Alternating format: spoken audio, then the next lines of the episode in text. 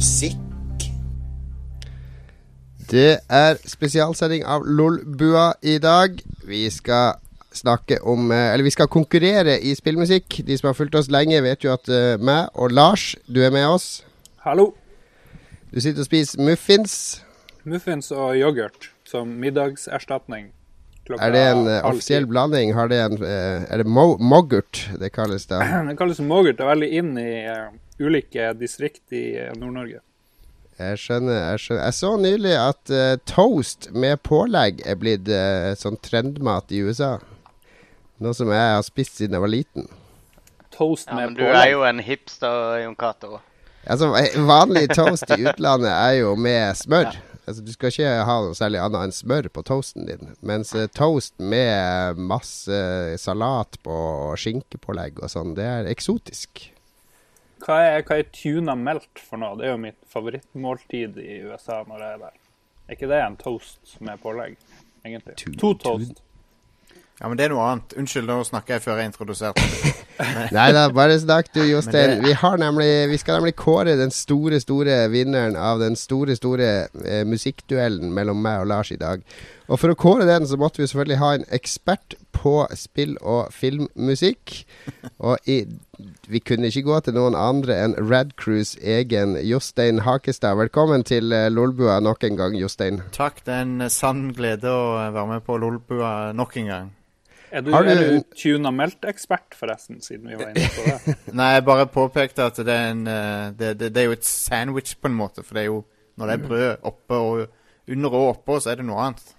Er det noe veldig annet? Ja, Det er jo det. Det er jo det. Det er jo sandwich, og det, du kan, eh, det, det er jo uh, grilled, grilled sandwich, tror jeg det heter når de har uh, stekt den. Du er jo sånn foodie, Magnus. Det her kan jo du. Grilled cheese, tenker du på? Ja, grilled ost- cheese ost tuna sandwich, tror jeg det er det Lars Nei, tenker tuna, på. tuna melt er vel egentlig bare et sånn tunfisk-smørbrød som uh, kjøres i ovnen litt, er det ikke det? Med smelta ost over. ja, ja. Og så er det sykt Ja. godt. Det er kanskje det beste som fins. Men det er ikke toast, liksom. Det er ikke sånn at du tar brødet først i toasteren, og så hiver du på uh, Herregud, så vi klarer å avspore det her. Vi vi har ikke engang kommet i gang med denne programmet før vi har gjort Folk det er om interessert. Oh, fra wow. musikk spesial til foodie spesial. Jeg vet ikke hva food er. det er Ja, ok, tuna spesial. Ja.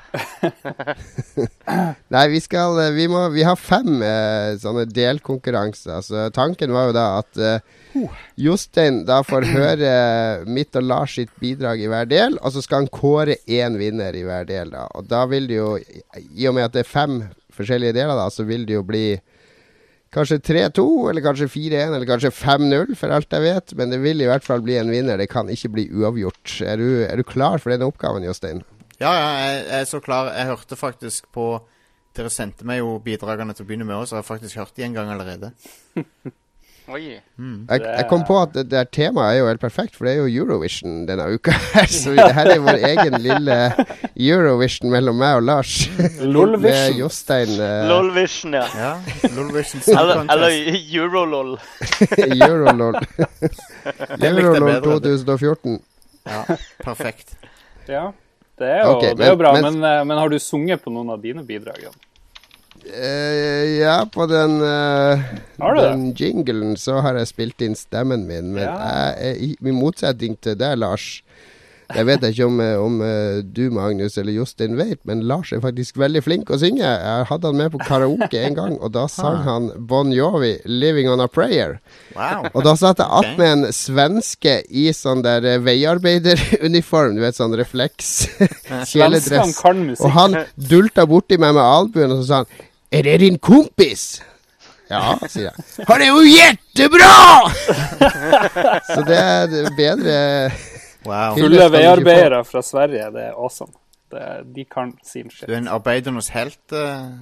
Nei, men oppriktig talt, han var, det var ordentlig Bon Jovi-røst når han, han dro på, på refreng og alt, og det var in tune og hele pakka. Så der, der stiller Lars med en stor fordel.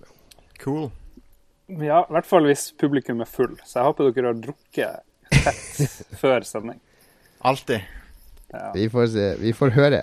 Rettere sagt. Uh, men, vi, men vi fyrer i gang første konkurranse allerede, og så skal vi snakke litt om etterpå hva vi har uh, gjort i det siste. Og da åpner vi med, med den delkonkurransen vi hadde der vi skulle lage en jingle til selve konkurransen. Og det her er jo ikke direkte spillmusikk, da, men det fins jo mye jingler og sånn i spillmusikk. Ja, det gjør jo det. Det er jo eh, eh, på en måte mange anledninger til å spille en jingle i et spill. Du er liksom Når du vinner, når du er ferdig med en level, når du dør. Sant? Så det er jo veldig godt, et godt egnet medium til jingler.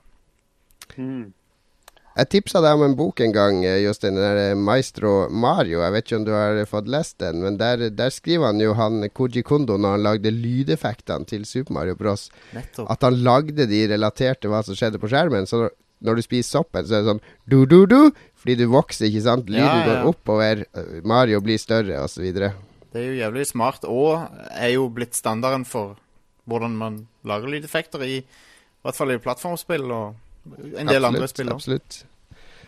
Men vi får kjøre i gang jinglene våre. Uh, skal vi ta Lars inn først? Uh, jeg vet ikke om du vil si noe om jinglen din, Lars? Uh, pff, nei Jeg vet ikke. Jeg husker ikke hva vi sa forrige gang. Det er jo en, det er en jingle til denne konkurransen. da, Så det var litt sånn Du skal kjempe, og du skal være tøff. Og litt sånn uh, samples fra, eh, fra ulike spill. Det syns jeg var litt gøy å få med. Ja, okay, ja. Absolutt. Vi hører Lars sin uh, musikkonkurranse-jingle. Welcome. I trust that you are here to redeem yourself. Flawless victory.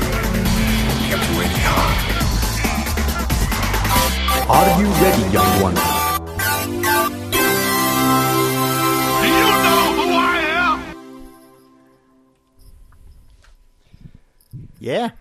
Den er ganske bra. Det er, litt sånn eh, radioresepsjon-vibber får jeg litt over den, når, det er mye sånn stemmer og, og ting kasta inn.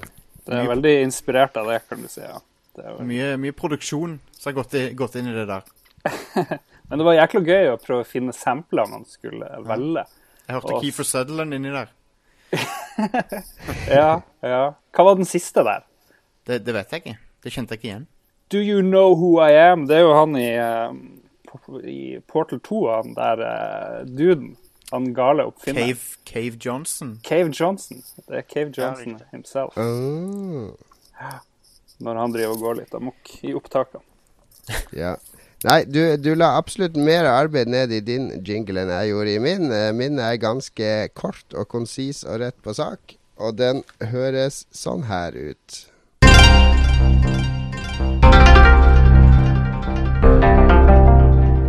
Spillmusikk. Veldig tydelig uttale.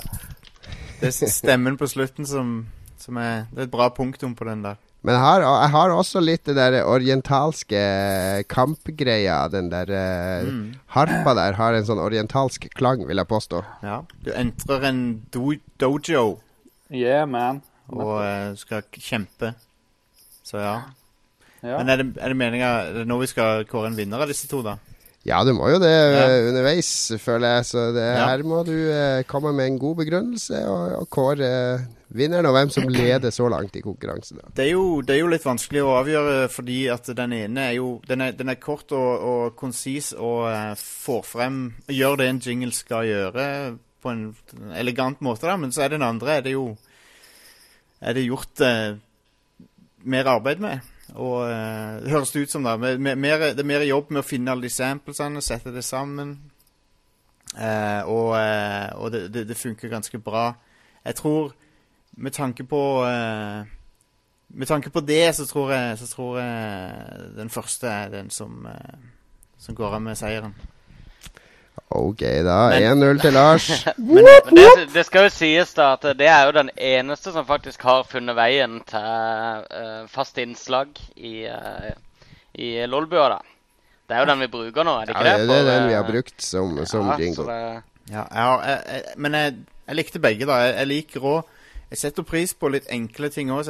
Altså ting som er to the point, liksom. Og, og, eh, så, så det var ikke Det er ikke et lett valg nødvendigvis. Men, Ja, det er ikke om å gjøre at alle spiller mest mulig og høyest mulig i symfoniorkesteret alltid. Nei, nei, nei. Absolutt. Du, Jeg tror har- jeg sliter i resten av konkurransen her, hører jeg.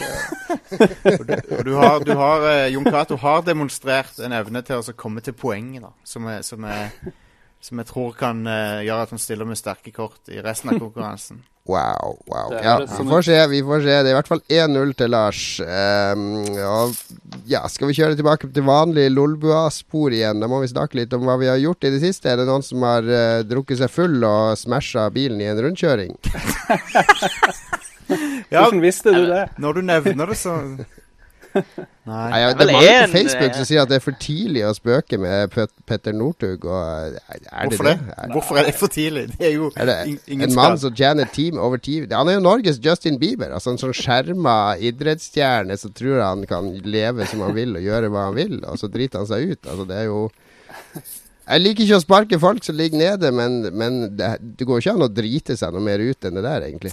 Nei. Jeg synes egentlig er, det riktig betegnelse å si at de ligger nede når de er tatt for eh, Når de har drept seg for fyllekjøring? Da er det Da har de bare gjort seg klar for hogst, føler jeg da. Det er bare å Men det kunne jo vært verre, da. Han kunne jo hatt en 16-åring eller en 15-åring i bilen. Ja, det kunne, og, det kunne vært verre, men Alt kan men- bli verre til enhver tid. Kose kokain, ikke sant. Og, ja, ja. Han kunne ha drept en hel haug med kids på vei inn i den der, eh, det der autovernet også, for all del. Men altså, jeg syns egentlig at uh, det, det står uh, det, det er litt respekt at han har lagt kortene på bordet og sånn, for han kunne ha gjemt seg bak at ja, det må være noen som hadde noe. Jeg hadde drakk bare to øl, det må være noen som hadde noe i øla mi. Jeg husker ingenting av hva som skjedde, og bla, bla, bla. Sånn som er veldig vanlig å gjøre når man driter seg ut i fylla. Vet du, Jeg har faktisk ikke lest en hel artikkel om det som skjedde der engang. Jeg, jeg syns det er grusomt uinteressant. Og, Ja. Hvorfor snakker vi om det her? Det var, driver, er han Nei, jeg vet ikke. Hva har du gjort i det siste, Lars? Lars, Lars, Lars. Abandon ship. Ja. Eh, jeg har gjort eh, ufattelig lite, bortsett fra like før jeg kom hit på sending, så gjorde jeg noe jeg aldri har gjort før. Jeg har så en hel Harstad idrettslagkamp, og to er liveblogga den eh, direkte på nettet. og så, eh, Siden jeg ikke har så mye skills med fotball da, og ikke visste hva noen av spillerne het, så ble det jo en litt sånn eh, alternativ liveblogg hvor jeg snakka om at nå var jeg litt sulten. og tenkte på For det, kampen var litt kjedelig til tider. og da, det er jo liksom, Når man kan være litt morsom, det er kanskje da man kan redde seg når man ikke har peiling. Vent, du kjørte ikke to parallelle liveblogger? Nei, det var Nei, alt gikk i fotballbloggen. for det burde du ha gjort. To blogger samtidig. Ja, det Du burde hatt én for fotballinteresserte og én for, de- for de som ikke er det. Det var en god idé. Det blir neste. Men eh, jeg tror jeg klarte å fake det bra, for det var sinnssykt mye folk som var, fulgte med. Og så ble det ekstraomgang og straffespark, så det varte jo og rakk. Så jeg ble jo jæklig lei etter hvert. Men eh, ja. Var det mange, mange tilskuere til livebloggen din? Det var, det var Jeg dobla i hvert fall trafikken på nettsida. Sånn Wow. det Det var antagelig flere som fulgte livebloggen enn som var på kampen. Det vil jeg tro òg, faktisk. For det, jeg telte ti på tribunen der. eh, Så, Ok, Så det var akkurat 20 som fulgte med på livebloggen? Ok, greit. Mersmak? Kan du ikke liveblogge sånn der eh, Eurovision, f.eks.? Det er veldig populært å liveblogge, har jeg sett. Da skal man være veldig morsom og komme han, med litt eh, syrlige kommentarer. Og Du og han Jostein ja, jeg Ja, savna. Jostein-fyren der. jeg gjør det. Jeg syns han fyren som kommenterer nå, er så jæklig kjedelig. Jeg så det jo i går med Moderen, den første delfinalen. Så jeg er en eh, Melodi Grand Prix-deltaker Nei, ikke deltaker. eh, Tilskuer. ja, jeg kan trøste deg med at vi har eh, vår egen Jostein her i Eurolol, Stemmer det? Eurolol Song Contest. Eh, som fortsetter etter vi har snakka litt mer om hva vi har gjort i det siste. Og Magnus, er det Ja. bare skole igjen, eller har du Du sier hver gang at nå skal du finne deg noe kult å gjøre, så du kan dele med oss. Har du klart å finne noe kult å gjøre? Uh, Vi kan snakke om spillquizen vi jeg hadde, skulle for akkurat si det. Vi har arrangert spillquiz. Det Oi, har jo har vi det? eh, Ja, det har vi. Vi har gjort det for eh, under et eh, ganske nøyaktig et døgn siden vi ble ferdige med spillquizen. Det er 23 timer siden jeg sa ha det til deg på Tilt. Ja, ikke sant? Der. Du teller de. Og Ja, vi teller ned hele tida. det er sånn Jon Cato kan nevne liksom nøyaktig hvor mange minutter det er siden sist han så meg. Um, I en tekstmelding. Vi hadde For andre quiz på rad så stanga vi hodet i kapasitetstaket vårt. Ja, vi, det Som var, er- så, vi hadde ikke nok svarark til alle lagene engang. Nei, folk var nødt til å skrive på baksida ark og videre for å Fordi vi printa ikke Vi hadde ikke regnet med så mange lag. Og det er andre gang på rad nå. Og uh, jeg snakka med bartenderne på Tilt, og de sa de hadde mer enn dobla omsetninga i går Oi. i forhold til dagen før. Oi. Så uh, vi er big business. Så nå er det bare å uh, legge Tilt bak seg og bare ta dette her til utlandet, tror jeg, Jon Cato. Tror vi må reise til Storbritannia eller USA. Ja, vi, vi tar quizen dit quizen tar oss. Det er bare å For pakke snakke i en eh, det, det er antagelig sånn japanere snakker når du spør dem konkret om planene fremover. Litt sånn eh, japansk eh, livsfilosofi. Uh, ja. Men uh, uh, veldig kul quiz. Faktisk, jeg var dritfornøyd med spørsmålet uh, vi fikk til denne gangen. Jostein, når blir det aktuelt å ha besøk av deg på quiz? Så fort Altså, det det er første anledning, liksom. Hvis, hvis jeg er i Oslo samtidig som det er quiz, så kommer jeg uansett. Uh, Og der var det mye hvis. Der var det mye hvis. Ja, men det er sånn vi, Ja, ja. Jeg skal, jeg skal det, OK, så neste gang jeg skal ned dit, så skal jeg prøve å legge det til når, når jeg Første vet. tirsdag, første tirsdag i måneden. Første tirsdag i måneden. Gotcha. Yes. Ja, men da må dere levere òg, da. Da må dere faktisk Da må dere ikke plutselig avlyse det eller noe. Nei, nei, det blir det ikke. Nei. Det har vi aldri gjort, faktisk. Nei, det er bra. har vi aldri... Den neste quizen skal vi ha dagen etter at jeg har hatt eksamen, så det blir spennende. Men det er jo et kongetidspunkt å ha det på, for da er du litt sånn Da, er du, da, da har du eh, noe som er løfta fra skuldrene dine, og sant? Eh, Føler du det? Ja, men det, det betyr at quizen må lages før jeg har eksamen. I innspurten. Ja, det er sant. Så det blir en litt sant. sånn spennende uh, Eh. greie. Og dagen før eksamen så er det konsert på Valle Hovin med et band som heter Mastodon, og en haug med Ah. andre band. Metallica skal spille. Uh, den der turneen sin der fansen kan uh, Fins Metallica ennå? stemme Ja, men du kan eh, De har en sånn greie du kan Fair heter den konserten. Det er Slayer Sonic- og Metallica og Ghost og Gojira og Badass. Slayer, Ja, og, Slayer og... er Hel aften på Valle Hovin. er det bare for å se Mastodon, som vanlig. Men uh, jeg skal vel se alle. Men uh, Metallica har en sånn greie at du kan stemme på settlista. Og det er litt kult. Så de kjører rundt på en full europaturné hvor fansen sjøl bestemmer hvilke sanger de skal spille. Og det er jo like greit, med tanke på at de bare har lagd dritt i snart 30 år. Jo, men har du vært inne og sett på hva de har stemt på? Ja, det er ganske mye kule låter, faktisk. Ja, og Så, sånn eh, Whisky in the jar og Det er veldig mye fra, fra den derre SNM-skiva. Ja, mye sånn der Nei, og mye fra den der eh, hva Hvem var det de lagde et sånt samarbeidsskive med Metallica? Men nå nå er du inne i sånn Back to Neil the Future-loop her, fordi det her den konserten er noe du skal snakke om i en fremtidig Men Lolbua jeg når du lever faktisk jo i har vært på fremtida. konserten. Jeg- Med tanke på at jeg er i eksamenstoga, som vi Ja, kaller det nå. Ja, men det er Så, du eh, unnskyldt eh, så har jeg lov til å snakke om det som skal skje i livet mitt. Det er greit. Bortsett fra det så har jeg spilt uh, Heartstone. Ja, ja, vi skal snakke Ja. om hva vi har spilt seinere. Ja, men det sk- Ja, OK, hvis det teller som noe Her jeg må har det spilt. være orden. Okay. Uh, uh, Jostein, har du klart å, å spa opp noe spennende fra oljebyen Stavanger som du har opplevd i det siste? Noe som har skjedd lokalt her. Eh, Det, det er fint lite, det, men, men eh, jeg har eh, Dette Jeg ble sittende i går kveld til veldig seint eh, og se på Selv om jeg har sett det før, så satt jeg og så på den derre veldig lange musikkvideoen til R. Kelly som heter 'Trapped in the Closet'. Har dere sett det? Mm, Jeg har ikke sett den.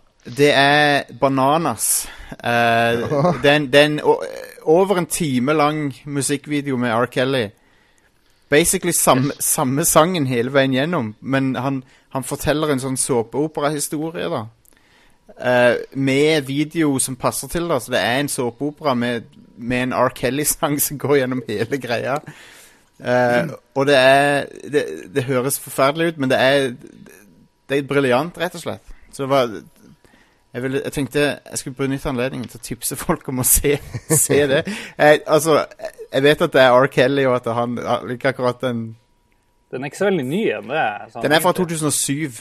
Ja, den er fantastisk. Jeg husker, jeg husker Ja. Men ikke, han, er ikke det R. Kelly? Er det, det, er, det er ikke det han der eh, pedo... Jo, jo, han er, han, jo, jo, han er en pissa, Han som har på pissa en på fjortis. på ingen, på ingen måte Ja. forsvarer eh, han som person, men, eh, men jeg anbefaler allikevel å se, se 'Trapped in the Closet', for det er banan... Og når, du, når, du, når jeg sier 'Trapped in the Closet', så tenker du kanskje det må være en metafor for å komme ut av skapet, er eller Men nei da, det er bokstavelig. Det handler om en dude som er i et skap.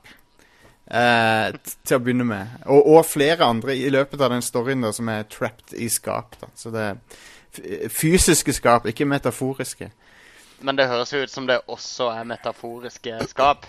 Hmm. kanskje Kanskje Jeg føler jeg kan relatere veldig godt til den sangen, for jeg har faktisk vært fanga i skapet til Magnus en gang når jeg overnatta der i fylla, så klarte jeg ikke å finne veien ut av skapet hans. Og det, vet du hva? Jeg må bare fortelle det veldig kjapt. Jeg, jeg forteller det mange ganger, Jo Cato, jeg vet det. Uh, men det er utrolig vittig. Jeg bodde på en ettromsleilighet. Altså ett rom med et bitte lite vindfang på én kvadratmeter. Og, inn, uh, og det vindfanget da, da det enten dør inn til, midt, eh, til stua og soverommet og alt det der, eller inn til badet. Jon Cato midt på natta finner veien inn på do. Når han kommer ut fra doen, så finner han ikke veien ut av et én meter kvadratmeters vindfang. da. Så han Det blir var stuck umulig å finne den døra. Så du, det du gjør, er å åpne klesskapet mitt og sove i det. Ja, men jeg, var, jeg var overbevist om at døra til stua var bak alle de jakkene i klesskapet. Så, så jeg var trapped in the vindfang. Ja, det var det virkelig. Forresten, jeg var så, jeg var så uh, han eh, Dara O'Brien, han ir irske Ja. komikeren her Ja, ja, ja. Og, og. Og det var, det var dødsbra. Snakka han om TV-spill? Det bruker han jo å gjøre. Nei, dessverre. Det var, det var litt skuffende. Han, han, han dro ikke noe om uh, Solid Snake eller noe sånt. Men han, han, eh, han er jo en uh, nerd, da, så det at det er lett å relatere til det han sier for meg. Så uh, han, er- han er en kul fyr. uh, og var veldig morsom. Vi jeg var litt engstelig, for jeg satt på fremste rad. Ai, ai, ai. Men eh, jeg slapp unna. For Vi eh, jo- Han er, eh, han er vel ikke typen som gjør seg veldig narr av folk og sånn, er han det? Ikke i- ah, På en vennlig måte. Så Sånn, han er ikke så giftig. han er ikke giftig, nei, han er ikke det, men det er allikevel litt sånn du, du for, det, for det Ja, første det når, når noen, spør, noen som ikke snakker norsk, spør meg hva jeg heter, så er det sånn jeg må, du, Uttalen på navnet mitt, liksom, det er ikke det letteste. så det er greit å Ja. slippe det. riktig. Men det var konge, eh, og det, det var vel verdt det. Eh, han, han var vel i Bergen først, og så i Stavanger. Hm. Det var eh, konge. Det var, Morsomt. Jeg har sittet på første rad på uh, Tony Clifton. Altså han eh, Andy Kaufman-alteregoet. Ha, når han opptrådte i Los Angeles for tre år siden. Da var jeg ganske nervøs, men det gikk bra. Ja, det er modig. tenker du at eh, Altså, det, det var Tony, han eh, Tony Clifton som er nå? Han nye Tony Clifton, på en måte? Som, som Hvem vet? Nei, det det, det er det ingen vet, sant? Men det For det at eh, Ja, det er jo litt Hvem er OK, hvem tror dere han er? Hvem tror dere er bak den maska? Ja, han kunne vært hvem som helst. Han, eh, han sto helt inntil meg. Altså, han hadde jo gumminese og eh, Ja, ja. parykk og briller, og alle klær var riktige og sånn. Det spiller ingen rolle hvem Alle penger gikk jo til veldedighet. Så det var tydeligvis noe sånn comedy project som mange stilte seg bak. For han hadde fullt band på scenen, og det var kjempeartig show. Så, så det, det var i samme ånd som, som Kaufman og, og den gjengen der, absolutt. Han har vært på Tony Clifton og gjesta Comedy Bang Bang. Uh, uh, Ja, podca- han har det. Han har det. Det må være en sånn, sånn hemmelighet som en del komikere i det i miljøet kjenner til, liksom. Hvem er Hvem det egentlig er. Enten det, eller så bytter de på å være han, kanskje. Jeg tror, det, jeg tror det er litt sånn på rundgang og bytting. Jeg tror, eh, tror de Det er litt sånn for å, hed, det er litt sånn for å hedre kompisen sin, liksom. Eller, eh, eller eh, gjøre en hyllest til, til han Kaufmann, da, sikkert. De har en sånn årlig eh, samling for å hylle Andy Kaufman. Eh, gamle kompiser og kollegaer og sånne Mm. ting. da. Og nå i fjor, tror jeg det var, så var det ei jente som dukka opp og hevda hun var dattera hans og sto på scenen og prata. Og okay. der broren, Ja. broren var oppe på scenen og fortalte at han hadde vært i kontakt med henne i siste måneden. og Uh, det var en lang, lang sånn elaborate greie Wow. som sannsynligvis også var bare nok en sånn hoax, bare for å kødde med fans Det er fantastisk. Det er dødsbra. Ja, det var ganske morsomt. Han, han lever videre i ånden. Ja. Yes. Tenk å, bli, tenk å bli så udødelig. Det, det, det hadde vært noe. Ja, nei, jeg, jeg har ikke gjort så mye i det siste. Jeg, jeg prøvde å komme på noe spennende. Det mest spennende er kanskje at jeg fikk en liten pakke i posten med noen sånne eh, brikker til eh, Android Netrunner.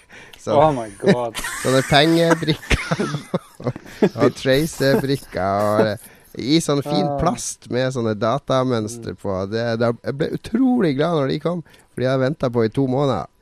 Så de gleder jeg meg til å prøve ut på Outland uh, i stedet for de her pappbrikkene som følger med spillet. Mange bitcoin er de verdt? Velkommen til LOLrunner-podkasten.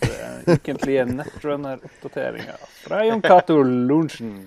Lager han kjapt plast? Nei, det var bare det jeg hadde å dele, egentlig. Altså, det er sånn Livet mitt er mye netrunner for tida, så eh, det, da får jeg dele det. Det spillet ser kult ut.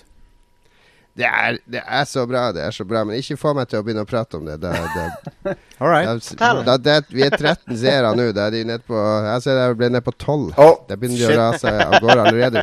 Vi fortsetter musikkonkurransen vår. Vi har kommet til neste kategori, som er uh, der, der fikk vi vel beskjed om å lage uh, musikk til et zombie-krigsspill. Var det ikke det de sa, Lars? Uh, ja, det var Marius, nei, men Magnus sin geniale Ja, idé. Og eh, ja, syns, du, syns vi gjorde en morsom eh, innsats der. Morsomt. Ble i hvert fall inspirert. Ja, det var en morsom oppgave. Jeg gikk, eh, jeg gikk litt for, eh, for litt sånn tunge Terminator-aktige trommer, mener jeg å huske. Litt, med, eh, litt maskinaktig lyd, fordi zombier er jo som en slags eh, hjernedød eh, maskin som ikke stopper og skal komme og drepe deg. Litt uh, horror. Så mitt bidrag høres altså sånn her ut.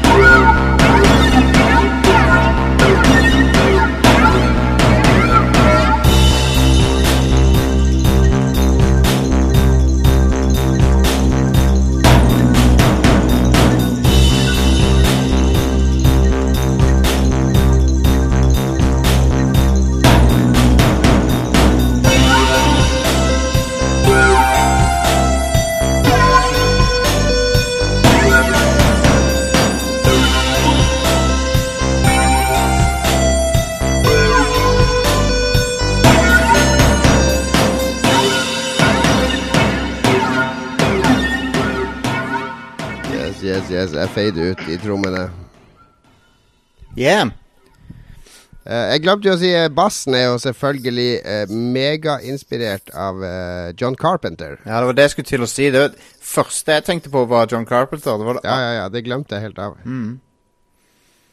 Det var en lang Eh. låt òg, men den var kul. Jeg likte den. Ja, jeg liker den òg. Jeg, jeg tenkte John Carpenter, og jeg liker John Carpenter, så det er, det er en god start.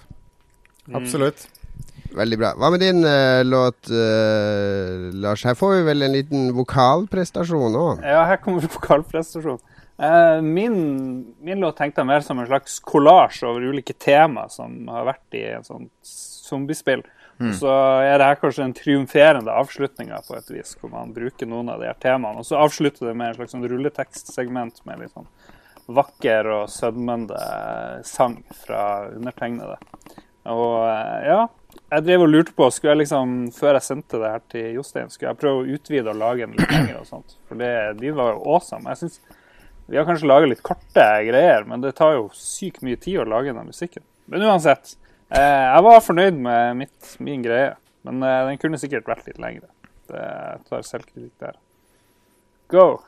Zombie.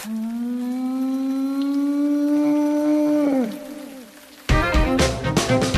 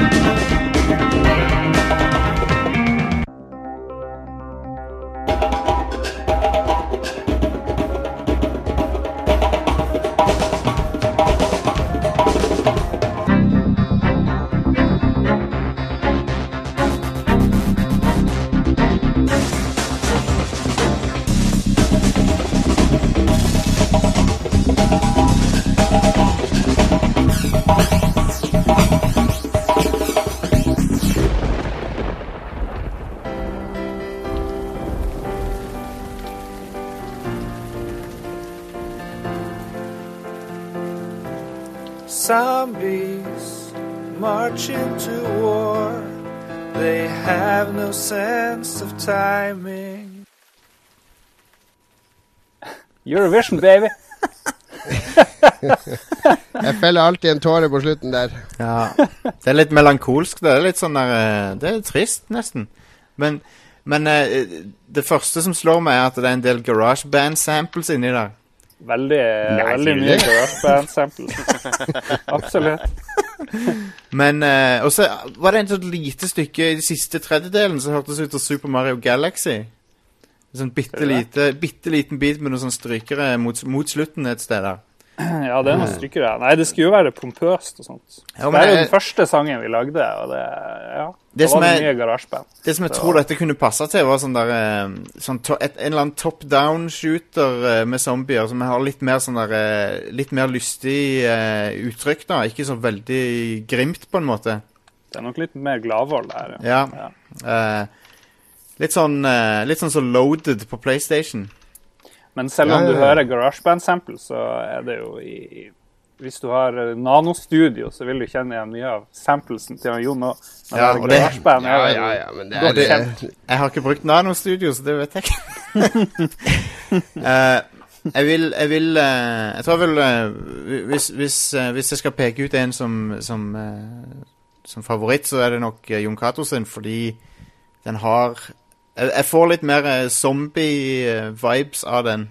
Um, sikkert av at jeg har en sånn John Carpenter-kobling i hodet mitt som gjør at jeg, jeg assosierer det mer med med den sjangeren. Men, jeg, men jeg, for meg så høres det mer ut som et horrorspill, da. Um, uh, tusen takk. Eh, Da ble det spennende. Da ble det 1-1. 1-1. Du har helt rett. Altså, den Carpenter-bassen er jo verdens letteste bass å lage, men den skaper jo så mye stemning. mm. Jeg er enig, det var en fin sang fra Jon, selv om eh, eh, kategorien for eh, det innslaget var jo zombiekrigsspill. da. Det var jo egentlig ikke horror. Zombie Men krigsspill. det var en veldig bra sang fra Jon, så jeg skal, jeg skal være med på det. Og jeg hadde bomma på krigsspilltematikken. Ja. Ja. ja. Det er- Nei, det er 1-1, eh, Lars. Det er ganske Det er spennende. Hva, Hvordan skal du feire det hvis du vinner? Jeg tror ikke jeg vinner, men eh, jeg skal feire det med å kjøre tilbake jobben. Jeg måtte stjele fra Kjøre tilbake til jobben med bilen jeg måtte stjele fra jobben for å rekke sendinga. Er det det du skal gjøre hvis du vinner? Ja. Det er bra å ha, bra å ha eh, ønske seg ting. Det er fint. Skal du, skal du fyllekjøre tilbake hvis du taper? Eh, jeg har jo jeg har dessverre måttet hive i meg Carlsberg eh, non-alcoholic i dag. Ja, men, Oi sann. jeg, har, jeg, jeg, trodde dere drakk, jeg trodde dere drakk whisky på denne podcasten, så det har jeg. Så. Å, se her, da! Oi, det er bra. Vi blir u outplayed av en fra eh, Av en Siddis, uh, Lars. Stemmer det? vann. Jeg tror du er den eneste som drikker alkohol, i motsetning til det. Jeg har, jeg har min uh, Erdinger Weissbier her. Oh, nice. Så bra. Representing. Hipster. Representerer Eh, 19 kroner på taxfree-en, så det er bare derfor. Alt, alt annet enn Ringnes er du hipster. Det, Temaet i dag er jo musikk, og nå eh, har Lars skrevet opp i programmet at vi skal ha et foredrag av vår gjest eh, Jostein. ja. Det, det, det er nytt for meg, men jeg kan godt eh, wing it. Nei, men, wing it, Jostein. men, men er det snakk om musikk i, uh, i, i filmmusikk, i spill? Er det den type ting, eller er det Det var vel før 1930 vi tenkte. Før, før 1930, ja. Perioden 1925-1930. Det er der jeg sliter med jeg, um, men, men jeg vet ikke. Hvordan skal vi angripe det? For jeg kan, jeg kan, vi kan ta litt filmmusikk, hvis dere vil. Vi kan ta, snakke om spillmusikk. Ta det du føler for. Så jeg skrev jo faktisk en, um, en bacheloroppgave om filmmusikk. Mm. Um, bacheloroppgave, det er litt sånn whatever, sant? Ingen som, ingen som skryter av hva de skrev. Bacheloroppgave. Men det, det, det er det beste jeg har gjort. da. Jeg har ikke kommet lenger enn det. Så det, nå skal jeg snakke om det. Eh, jeg har eh, jeg, jeg skrev om filmmusikk. Jeg skrev om Hollywood-filmmusikk fra, fra 30-tallet til nå, da. Ehm, og sammenligna litt sånn de forskjellige fasene dere har gått igjennom og sånn.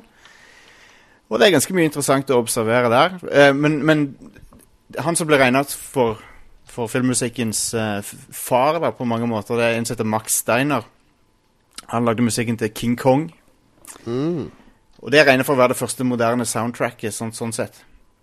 Eh, det, det vil si musikk som var på filmrullen, som, eh, som, har, uh, som er spilt inn med orkester. Eh, og han lagde også musikken til Gone with the Wind og, og en rekke andre filmer. Um, og, og, og jeg, regner for han som liksom skapte filmmusikken som vi kjenner det. da Har det, men har det vært noen sånne store faseskifter i filmmusikken? Altså, Ja, absolutt. Store soundtrack som virkelig har snudd filmmusikken i helt nye retninger? Absolutt.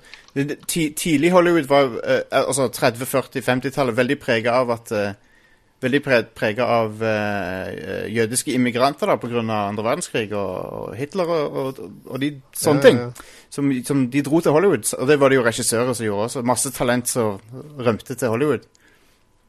Uh, og eh, en del av de som ble eh, ganske anerkjente komponister, da. Uh, Eh, En morsom Steiner, om Hollywood. Hollywood ble jo starta på eh, rundt 1920. mm, Og i starten så var det jo bare, nesten bare damer og, og jøder og, og meksikanere som jobba der. For det var folk som ikke fikk jobb andre steder. ja, sant. Så, så, så veldig, veldig mye av Hollywoods tidlige filmer Det hadde manus skrevet av damer. Damer var, var drivkraften i Kult. Hollywood i starten. Kult.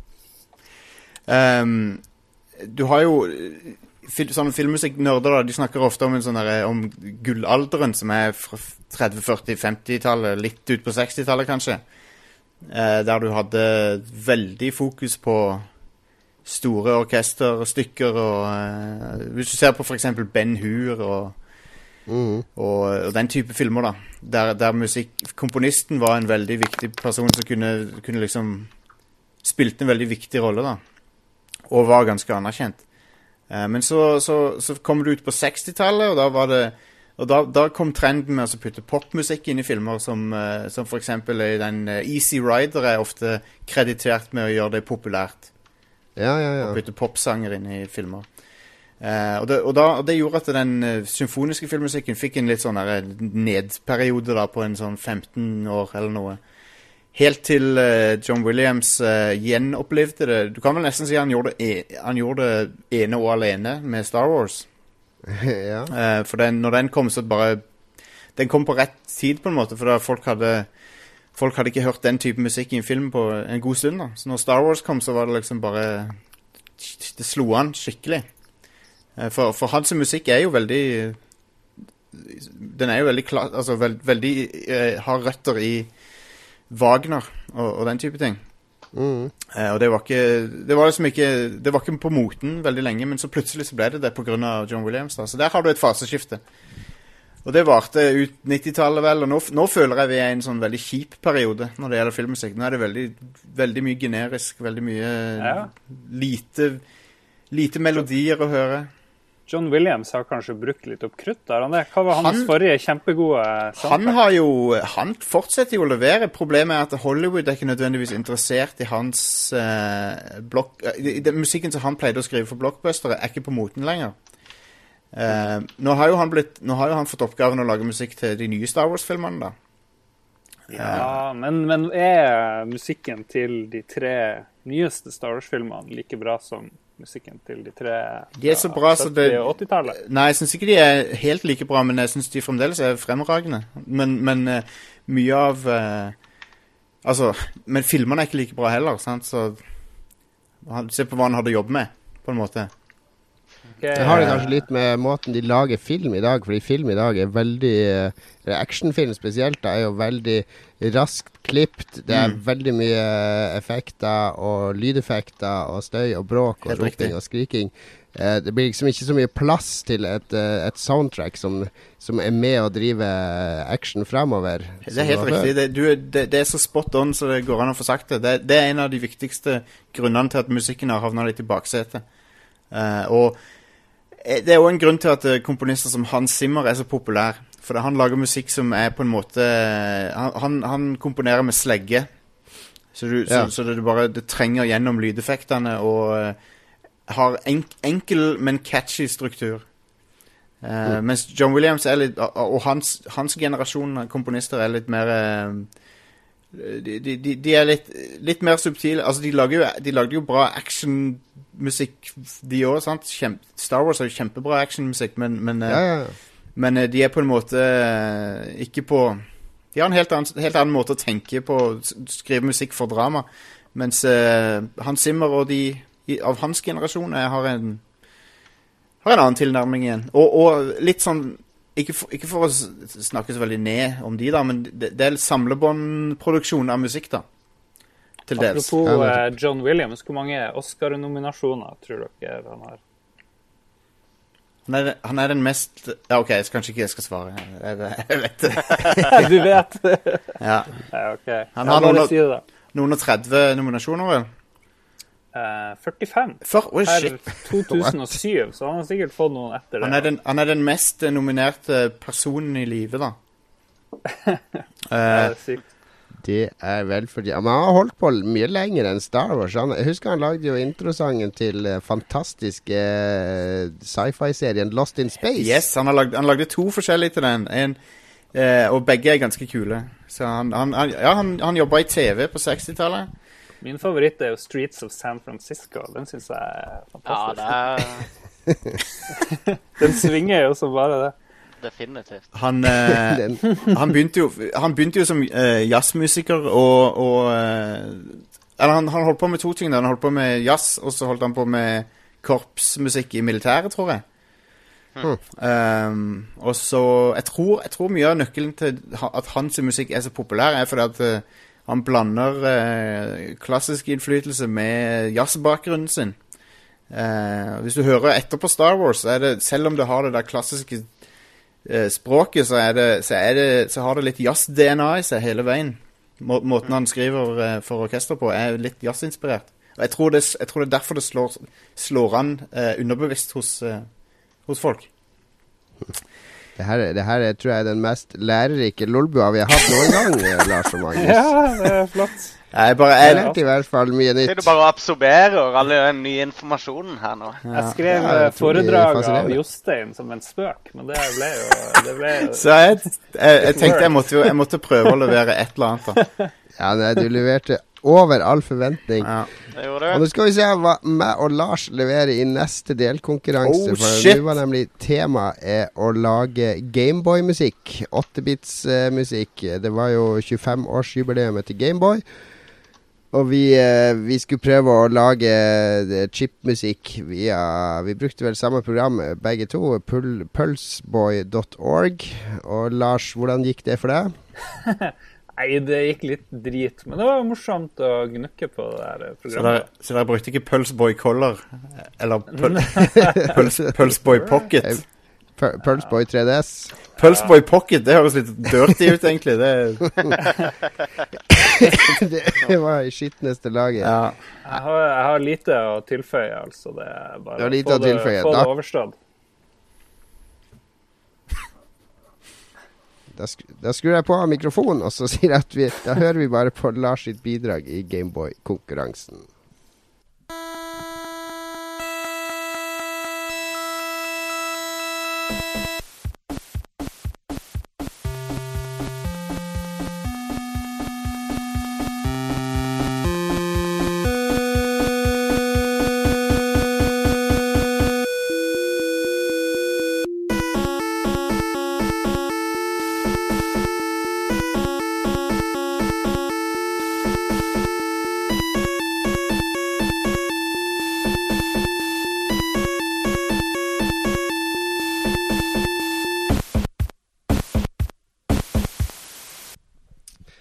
Ok, jeg vil litt over i Arne Norheim-landskap, kanskje. Eh, jeg, jeg koste meg tror jeg langt mer enn eh, Lars med, med Pulseboy, fordi jeg er jo en gammel uh, tracker. Jeg lagde mye musikk i Soundtracker og Fast Tracker og Future Tracker og hva de het. Alle de på Amiga, så jeg kjente meg ganske godt igjen umiddelbart. Og, og jeg brukte ja, nesten 50 minutter. og Eh, lagde litt sånn rocke, rocka elektromusikk. Så det her er altså mitt Gameboy-bidrag.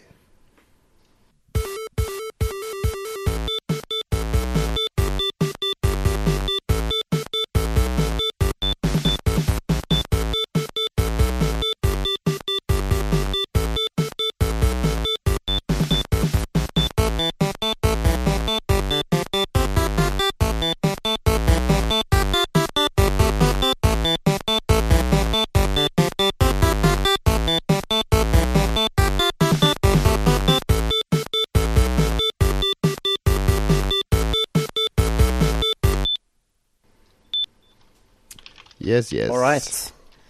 Jeg tror dette er et tilfelle, tilfelle av at Jon Cato er litt mer komfortabel med verktøyene. Og eh, Det kan ikke være noe annet. Nei, og eh, nei, nei, det kan ikke være noe annet. Eh, jeg, jeg bare si eh, Det var Altså Det er en soleklar vinner her, og det er jo det, er jo det siste, da. Eh, Jon Cato sitt stykke, men, men eh, Tusen takk, tusen takk. Men eh, akkurat denne, denne var den mest tydelige vinneren hittil, da. Eh, og det tror jeg Jeg vet ikke det, hoved, jeg, vil si at, jeg vil si at hovedgrunnen til det er fordi Jon Cato sitt bidrag her høres nesten ut som det kunne vært i et Gameboy-spill. Det er ikke så langt unna, liksom. Det høres ut som et eller annet Et av de litt mer repetitive, tidlige Gameboy-spillerne. Sånn eh, Paperboy på Gameboy, eller et eller annet. Noe sånt minner det meg om. Det er jo eh, bra skryt. Det er det jo. Det er, nå, ble jeg veldig rød, glad her, altså. Ja, ja, det er bra. Eh, mens det første vet jeg ikke helt. Det høres ikke ut som det er fra et Gameboy-spill. Det høres eh, Men, men, Nei, det er men, dritt. men Det det, er dritt. det, du gjorde et forsøk, men du bomma denne gangen. Av, vet du hva, av og til Av og til så bommer vi på ting når vi prøver oss på ting. Så, så, så, så doesn't work out, men eh, sånn er det av og til.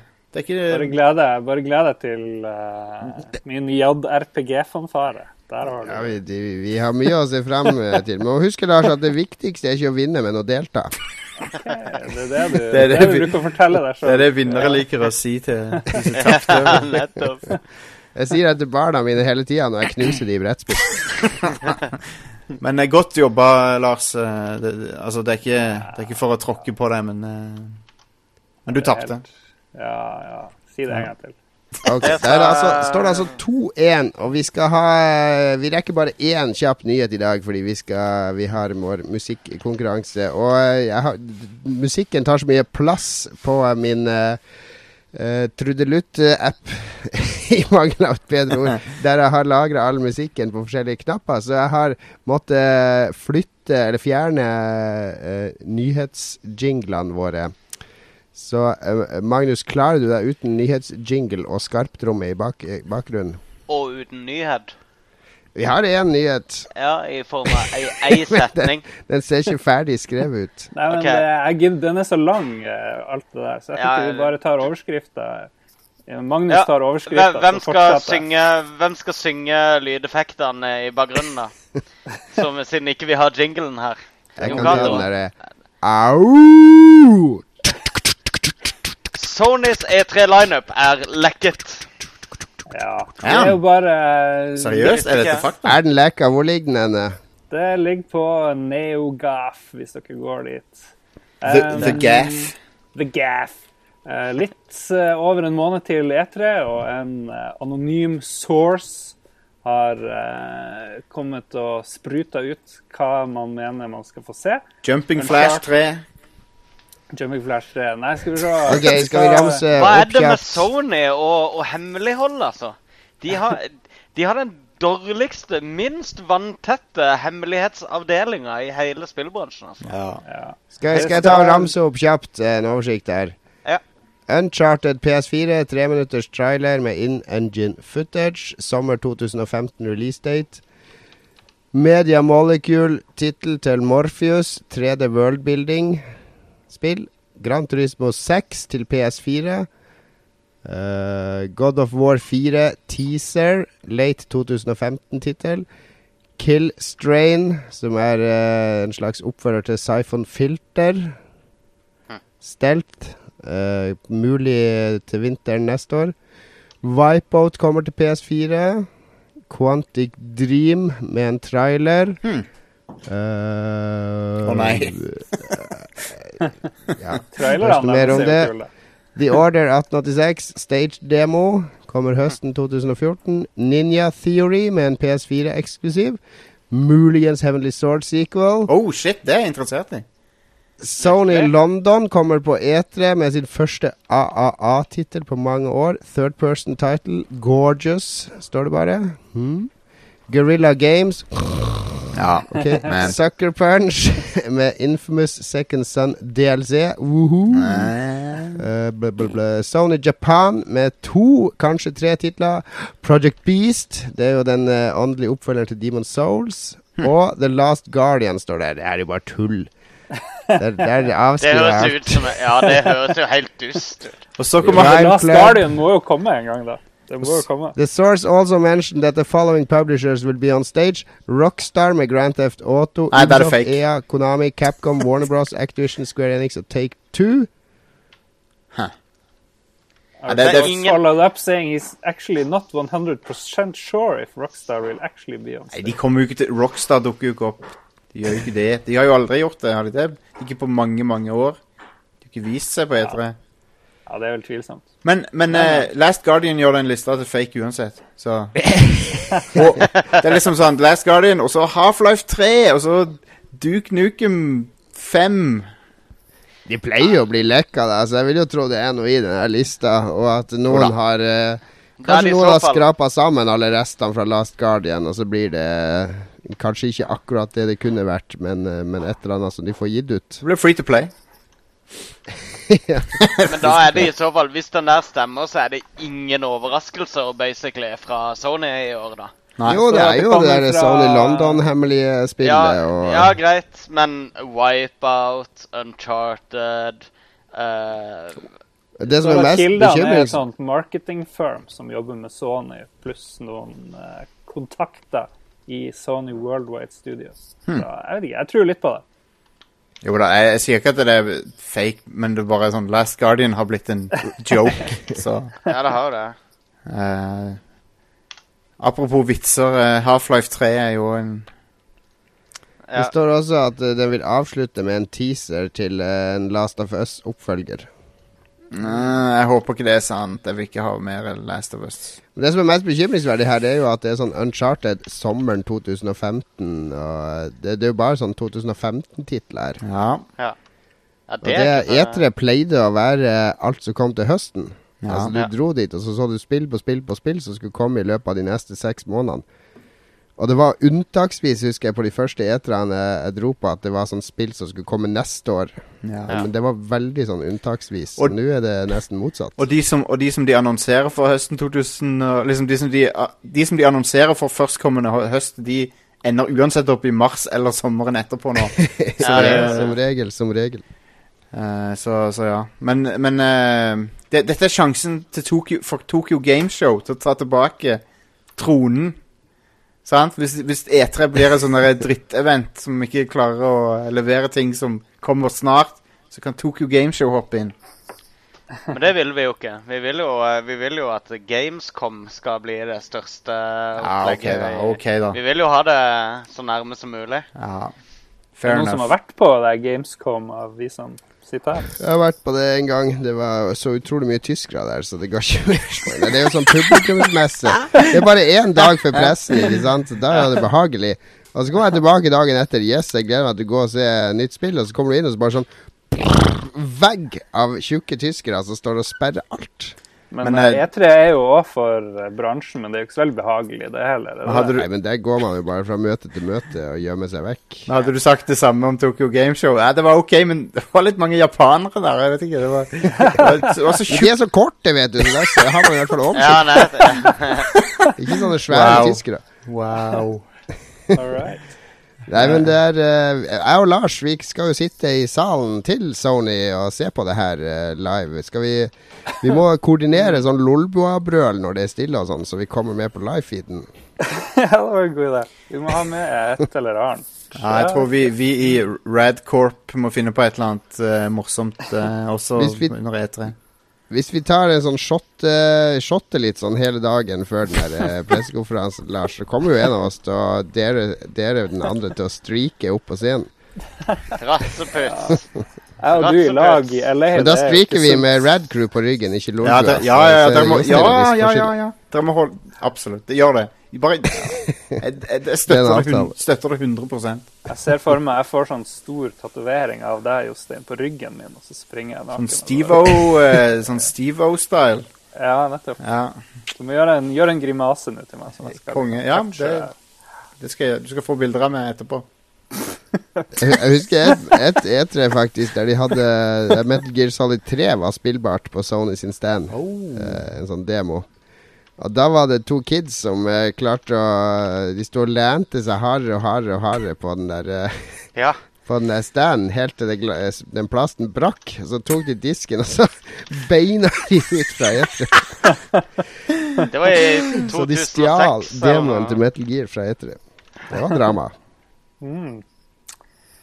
Nei, vi må høre på Vi må ta en kjapp pause. En to minutters uh, liten trudelutt der. Skal vi høre på litt ordentlig musikk for en gangs skyld i dag?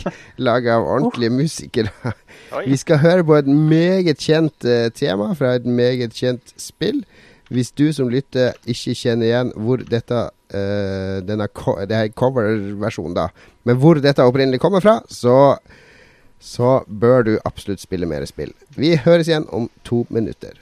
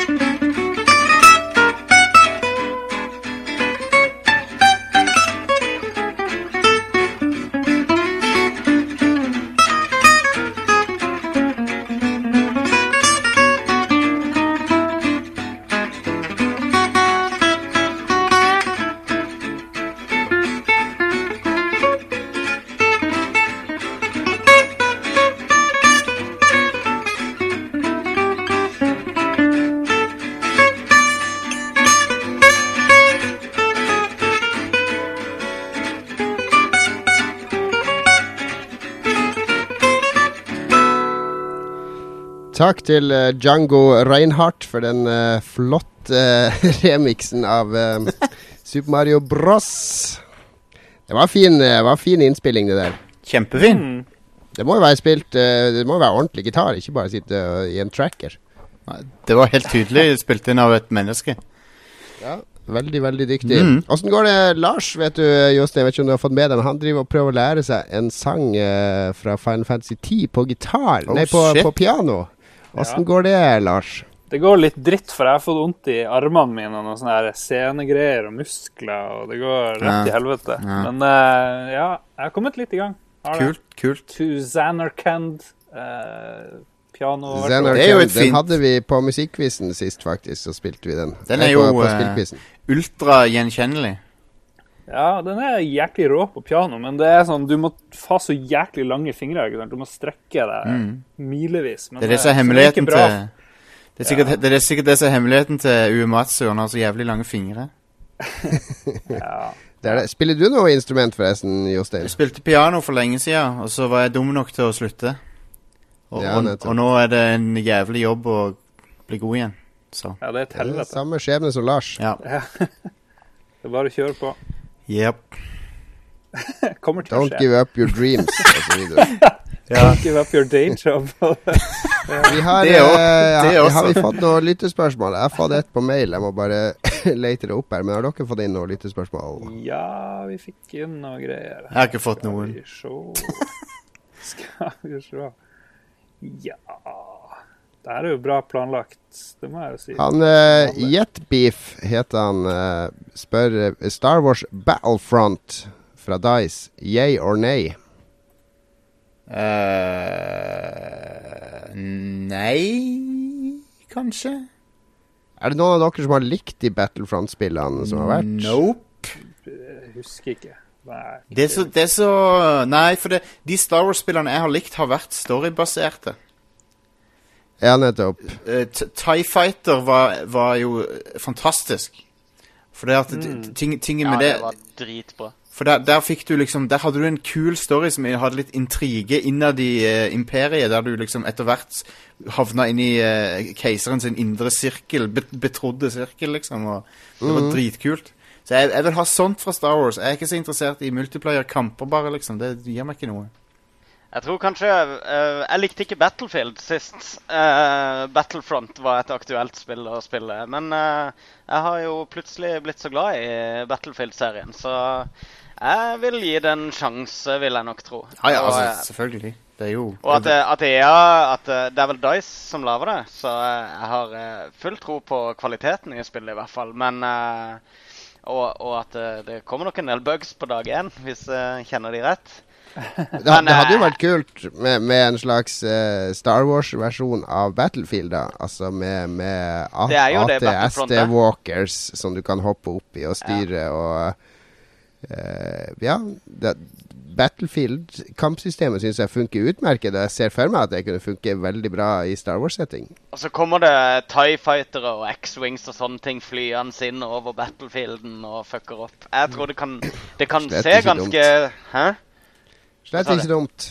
Jeg vil, eh, jeg vil ha et spill, men ikke den der Frostbite Engine. Jeg vil ha en sånn der eh, Blood Dragon-aktig tilnærming, hvor det er litt sånn Hva, hva, litt hva er galt med. Frostbite? Nei, du det blir for detaljert, liksom. Jeg vil ha litt mer eh, enkelt. Du kan jo sikkert Men du kan sikkert gjøre det i Star Wars òg. Ja, Nei, jeg mener i, Fro eh, i Frostbite også. Du kan sikkert Ja, da, sikkert. Men jeg syns de her Frostbite-aktige looken der er litt sånn stygg uansett på spillene. Men det er kanskje bare meg. Det er litt sånn som Un Unreal 3-engine eh, i første halvdelen av denne forrige generasjonen, der alt så ut som det var dekka med babyolje. Ja, ja, ja. Det er Men, sant. men likte Ja, dere. Blood Dragon, da? Far Cry? Jeg syns det var Det var konge. Når de Det var konge. skraper bort litt sånn overflødig grafikk, så blir det jo kulere, egentlig. Det var tøft. Jeg likte den veldig godt. Ja, for så Um, vidt. Men, men eh, Jostein vil jo ha mer historiebasert Star Wars, og vi vet jo hva som skjer nå når folk har en stor lisens, og de skal lage et historiebasert spill på det. Hva er det som skjer da? Jo, da får Telltale lisensen. Jeg vet jo, Jostein, at du er ikke noen fan av Telltale, så hva gjør du når det kommer Telltale Star Wars-spill? nei, da jeg Da gir jeg opp. For det, ting, tingene, tingene jeg, Hva er galt med Telltale, jeg hadde alltid lyst til at LucasArts skulle lage et point and click Star Wars-spill når de var på høyden. For de, Ja, de, fikk, ja. de fikk det til med Indiana Jones, og det er jo actionbasert.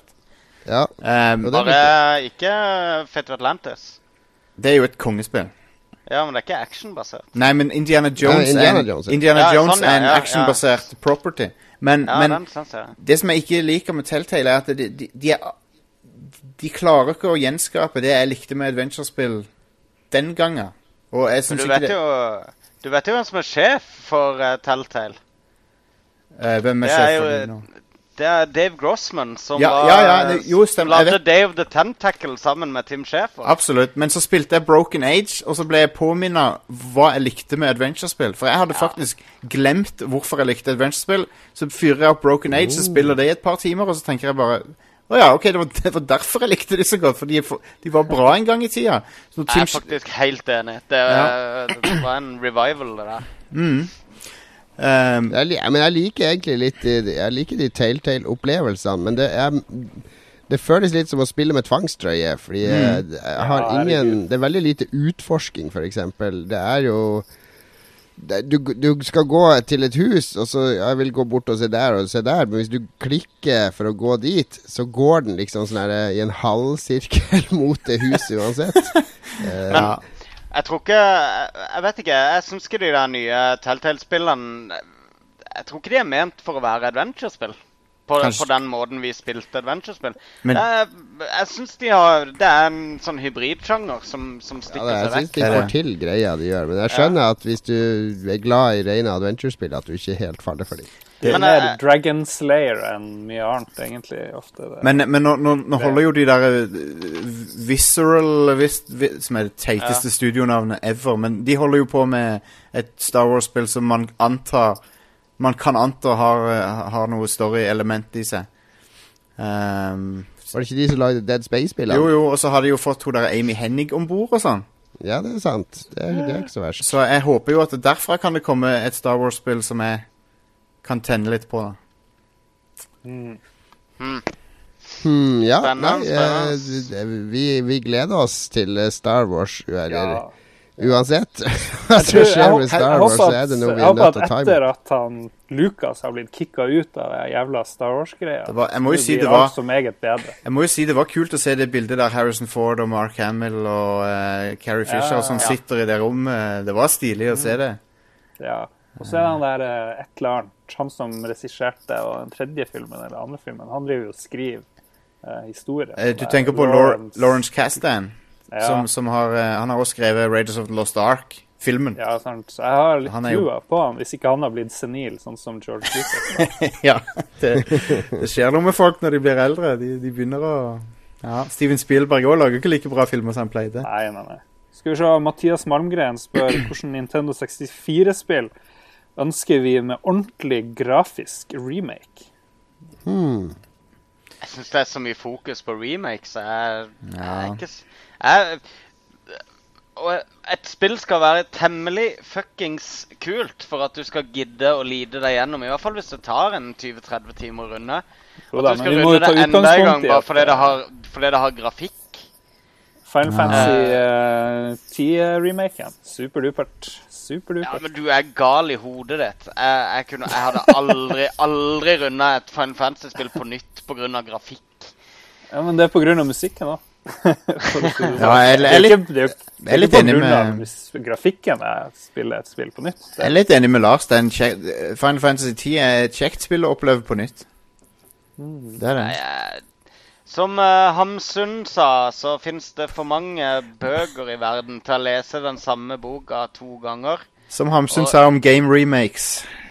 Og det syns jeg kan oversettes til Ja. situasjonen her, men uh... Jo da, nei, du har, du har, eh, du har et poeng. Men Det er helt greit med remakes. Altså. Hvis jeg skulle hatt remake av et Nintendo 64-spill, så ta noe uh, som var dødskult, og som aldri har blitt laga noe lignende siden. F.eks. Blast Core. Det skulle jeg Ja, gjerne sett med 1080p-grafikk, der du smasher ned hus og knuser Husker du spillet gikk ut på at det var, var, en, var en diger lastebil med en atomrakett på lasteplanet som Ja. var løp Der sjåføren hadde besvimt eller noe. I hvert fall så kjørte den rett fram da. Og hvis den krasja i et hus, så ville det bli en atomeksplosjon. Så din jobb var da å hoppe inn i alle mulige kjøretøy og brekksledde gjennom husene. Jevne de med jorda foran denne lastebilen så den hadde klar bane. Og det var dødskult spill. Det var et av, et av de mest originale og kule Rare Det var Rare som lagde det. Ja, ja. Et av de kuleste Rare-spillene noen gang. Eh, jeg er jo litt enig i at det er alltid kjekkere med et nytt originalt spill enn en remake, da. Men uh, jeg, ble, veld, jeg ble veldig skuffa over at folk var, var så veldig haters på det der uh, Banjo Kazooie Nuts and Bolts, for det syns jeg var et fantastisk spill. Som, Eh, Undervurdert. Undervurdert. ja, eh, jo Forut for sin tid òg, med det der byggegreia og ekspresset der sjøl. Før Minecraft og hele pakka der. Akkurat, og det, det kom for tidlig. Hvis det, hadde, hvis det ikke hadde vært Banjo Kazooie Property, og hvis det hadde kommet på PC nå, så hadde det blitt skikkelig populært. Antagelig. Ja. Uh, skal vi se b -b -b -b. Han, eh, Jan Christian Heigel har klart å slenge inn et spørsmål i siste liten. Han lurer på hva som er vårt beste E3-minne. Har du vært på E3 ennå, Jostein? Jeg har aldri vært der. Mitt, mitt beste E3-minne er å sitte og se Sony-pressekonferansen 2006. På livestream. Der var vi Ja, vi var på uh, Var det den- der det var Ridge Yes. Racer? Ridge Racer, den, ja. Giant Enemy Crab. Ja, ja, ja, Det var faen meg. Det er en kavalkade av klassikere på den, på den presentasjonen der. Helt fantastisk. Men det er det vi eneste var, vi var på den europeiske der, var vi ikke det, Jon Cato? I 96? Det er ikke det året. Vi var ikke der. Jeg var der i 96. Var ikke det? Nei, 96. 2006. 2006. tenkte jeg på det. 2006. Ja, riktig. For det, det Reach Ridge Racer har vel gått igjen eh, noen ganger på Sony Jeg, jeg tror ikke jeg var det året, men jeg har, eh, har mange gode minner fra etter. Nå skal du høre De beste er jo sammen med Lars sent på kvelden, men de kan vi ikke snakke om her. de, eh, nei, jeg har eh, For, for første året jeg var, så var jeg med på sånn Nintendo-fest oppe på House of Blues. Oh, der eh. Smash Mouth spilte. Spilte de Allstar. For de som husker Ja, det er den låten de hadde. Det er jo bare den Men før ja. de spilte, da, så var det jo full buffé og middag der oppe. Så jeg fylte opp eh, fatet mitt med kylling og potetsalat og alt mulig annet. Og tatt meg to øl. Og så skulle jeg gå ut i sola, da. Og så kom jeg bort til døra, så måtte jeg knøvle litt, for jeg hadde jo asjett og, eh, og glass og, og flaske. Måtte prøve å få det over på balanse, henge flaska under fingrene og sånn. Så var det en som åpna døra for meg fra utsida da. Og det var Shigeru Miyamoto da, som åpna døra for å slippe meg ut. Og da holdt jeg selvfølgelig på å miste hele kyllingtallerkenen og alt i gulvet. For det var Sto han og smilte, liksom, og Wow. det, var- det, var, det var liksom mitt første etere, og da tenkte jeg Det var ganske spesielt, for da jobba jeg jo i butikk, så det var ganske spesielt å bare være sånn ingen nobody fra Norge, så plutselig står jeg der med verdens beste spillutvikler som åpner døra Ja, for det er jo helt crazy. Wow. Du da, Lar, har du noe minne som du husker? Har du vært edru der borte? Som man kan uh, gå ut med? Som du kan dele? Nei, det, det Et som jeg tenkte på her i går, var vel da det var snakk om å ta eh, Vi var på The Viper Room eh, en sen kveld. Så var det en fyr som drev og delte ut gratis tatoveringer. Ja, for det var et tattoo-studio i kjelleren der som hadde rigga seg opp. Var det buy Ja. two, get buy one, get one free, eller noe sånt? Fikk du to? Nei, det var, det var gratis. Det Alt var gratis, ja. Wow, ok. Ja, så eh, kom vel Jon på ideen at uh, kanskje vi skulle få noen tatoveringer. Eh, og, så, og så var greia at uh, Jon skulle tatovere Lars sånn litt sånn diskré på armen, og uh, jeg skulle tatovere Jon av en eller annen grunn. Men så ble det litt sånn debatt. Hva om hva om ene gjør det, og så trekker den andre seg? Det vil jo være det vil jo være krise. Så, så vi drev jo og debatterte det her og drakk oss litt opp. Og så når vi endelig fant ut at vi skulle gjøre det her, og for bort og snakka med han duden, så var han ferdig for kvelden. Så da eh, redda vi oss fint. Så ja. Var det et godt minne? ja Jeg jeg husker det Lars hadde det, det, det, det fantastiske argumentet at du har syv bokstaver i navnet, jeg har bare fire. Ja, Det er jo et poeng, det. Ja, så var det morsomt å sitte på The Roosevelt sikkert samme dag og høre på folk som gjorde sånne deals som eh, TV-serier og filmer eller hva det var. Rundt Ja, det er, det er en på, artig, på artig Hotel. der. De satt og alt er gøy der borte. Jeg syns det er supert. Kult. Du har vært der, eh, du òg, Magnus. Har du noen virkelig gode Jeg vet at du har et helt grusomt Las Vegas-minne, så det Det kan du slippe jeg. å dele med oss. Ta, ta Ja. dine minner fra Los Angeles i stedet. Uh, ja, jeg vet ikke. E3 har stort sett vært uh, ekstremt uh, hektisk med sykt mye møter og jobb. Så jeg har kanskje ikke de beste minnene akkurat fra selve E3-messa, men det var mye gøy Ja, som skjedde samme rundt. her, egentlig. Det er liksom det rundt som er morsomst. Ja, eh, vi eh, Det var jo Vi, vi gikk jo eh, eh, fra Vi bodde jo på Venice Beach, på et sånn her vandrehjem som heter Cadillac Hotel. Der har du òg bodd en del ganger, Jon. Ja da, der skal vi bo i år, eh, og Lars. Ja, riktig. Um, og det ligger da på Venice Beach. Uh, et stykke unna så har du Santa Monica. Og eh, da var vi vel en ti nordmenn som ganske bedugga eh, bestemte oss for å gå til Santa Monica midt på natta. Og det gjorde vi. Og eh, underveis så, på stranda så så vi en del, kanskje en 50-60 veldig sånn gangsterlignende folk sitte rundt et svært bål da, og bestemte oss liksom for å liste oss litt rundt i da. Det var kanskje det smarteste. og sjangla videre. Og så var det ut på byen på Santa Monica, og så var det eh, stranda hjem igjen midt på natta. ikke sant? Og vi tenkte ikke noe over det. Så dagen etterpå så fikk vi beskjed av Eller Kjell Gunnar og de fikk, eh, som vi dro sammen med. Jeg fikk beskjed av en taxisjåfør eh, som kjørte de langs den samme ruta. Og pekte ut eh, bare sånn Crips-område, Bloods-område. Crips-område, Bloods-område. Og Crips og Bloods er jo da to av verdens definitivt største og blodigste gjenger, da. Så hvilken er du? Mm. Nei, så vi har da sjangla oss gjennom ut og inn av gjengterritoriet i, i flere timer.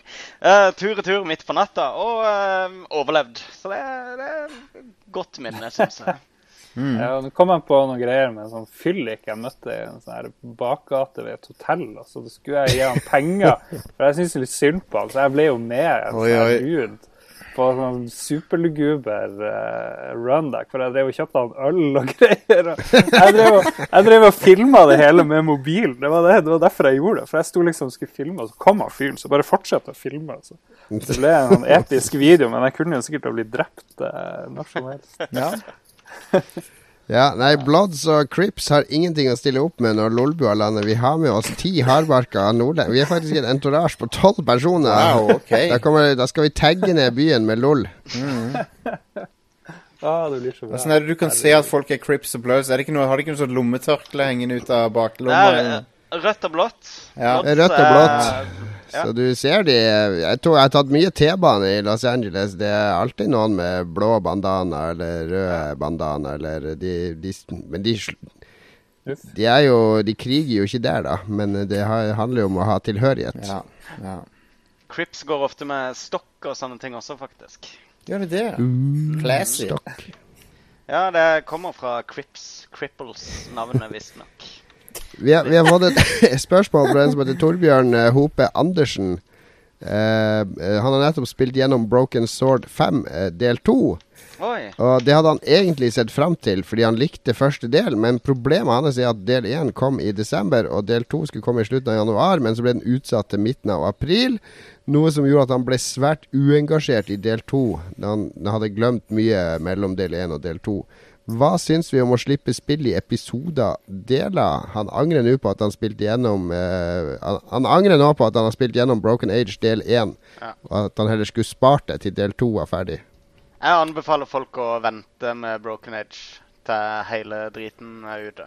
Mm. Du gjør det, ja? Ja. Jeg òg. Og øh, jeg har øh, litt den samme greia. Med uh, Walking Dead sesong to så spilte jeg vel en time av, av episode én, og så har jeg latt ligge nå, for jeg vil heller spille det sammenhengende. Jeg, jeg syns det er kult nok men, øh, å slippe i episoder, men jeg tror kanskje de må slippe episodene litt hyppigere. At de må ha litt mer klart før de begynner å lansere. Ja, det må kanskje være litt mer sånn En sånn TV-serie er greit, for da er det Ja. bare en uke til neste gang, så du rekker ikke å glemme så utrolig mye. Men hvis det skal gå to-tre måneder mellom episodene, da, da har du spilt mye annet i mellomtida også, ikke sant? Ja. Jeg er helt hjertens enig med han. Jeg, jeg hadde helt glemt at episode to var kommet av Broken Sword. Nå er det ikke så lenge siden jeg spilte gjennom det. Jeg husker veldig det aller meste fra, fra eh, episode én. Så akkurat der tror jeg ikke jeg kommer til å slite sånn. Men, men uh, uh, jeg merker det veldig på, på dette uh, Wolf Among Us. Um, Ja. Der var det også lang eh, pause. ja, og det, jeg Ja. nyter det så veldig i de der korte dragene som er i en episode. Jeg syns det er fantastisk. Men jeg har glemt alt når den neste, neste episoden eh, dukker opp. Så der òg har jeg liksom bare måttet bare skjelfe det og vente til alt er ute. Og det er trist. Jeg er enig. Helt enig. Mm. Vi eh, Jeg tror ikke vi har flere spørsmål nå. Hvis ikke, så prøver vi å ta det med neste gang. Vi må nemlig videre i musikkonkurransen. Vi har bare to kategorier igjen. Kategori fire var å lage musikk til innloggingsskjermen til et MMO, da. Og eh, jeg kan ta min først, for jeg visualiserte jo eh, Som dere kanskje har fått med dere, så er jeg veldig inne i Android Netrunner, så jeg visualiserte jo et eh, et online-rollespill som foregår i en eh, ja, kanskje 100 år inn i framtida. Eh, cyberpunk, eh, dystopi, hacking, korporasjoner. Hele den visa der. Og så hadde jeg egentlig jeg hadde, Jeg tror jeg hadde 20 minutter på meg før sending til å lage denne låten, så den er ekstremt kort. Men den skulle liksom sette en sånn slags sånn hackerpresedens. Eh, Få deg stemning til du logger inn i, i fremtida. Så her kommer da min innloggingssang til et MMO.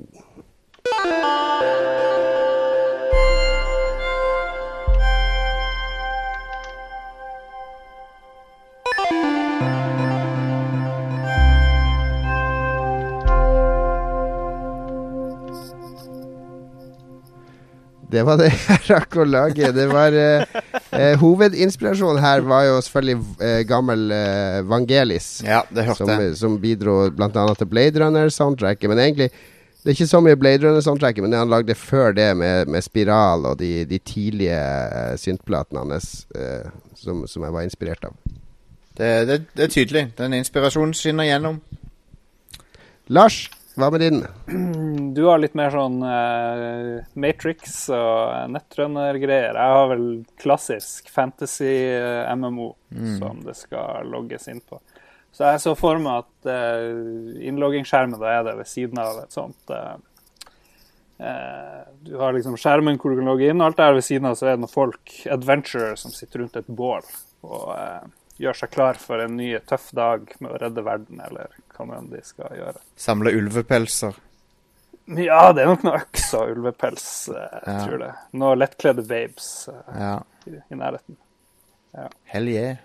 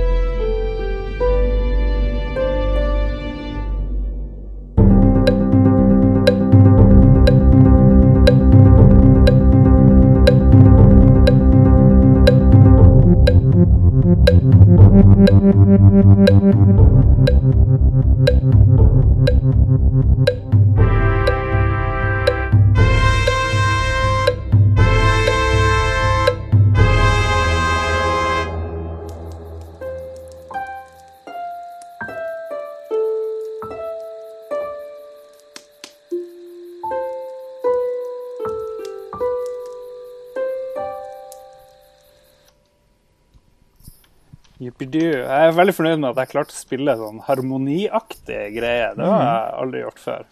Det er vanskeligere å skrive det enn å skrive Altså, det er vanskeligere å operere i den modusen enn å lage noe som er litt sånn dystert og grimt, tror jeg. Det, så du gjorde en god jobb med det.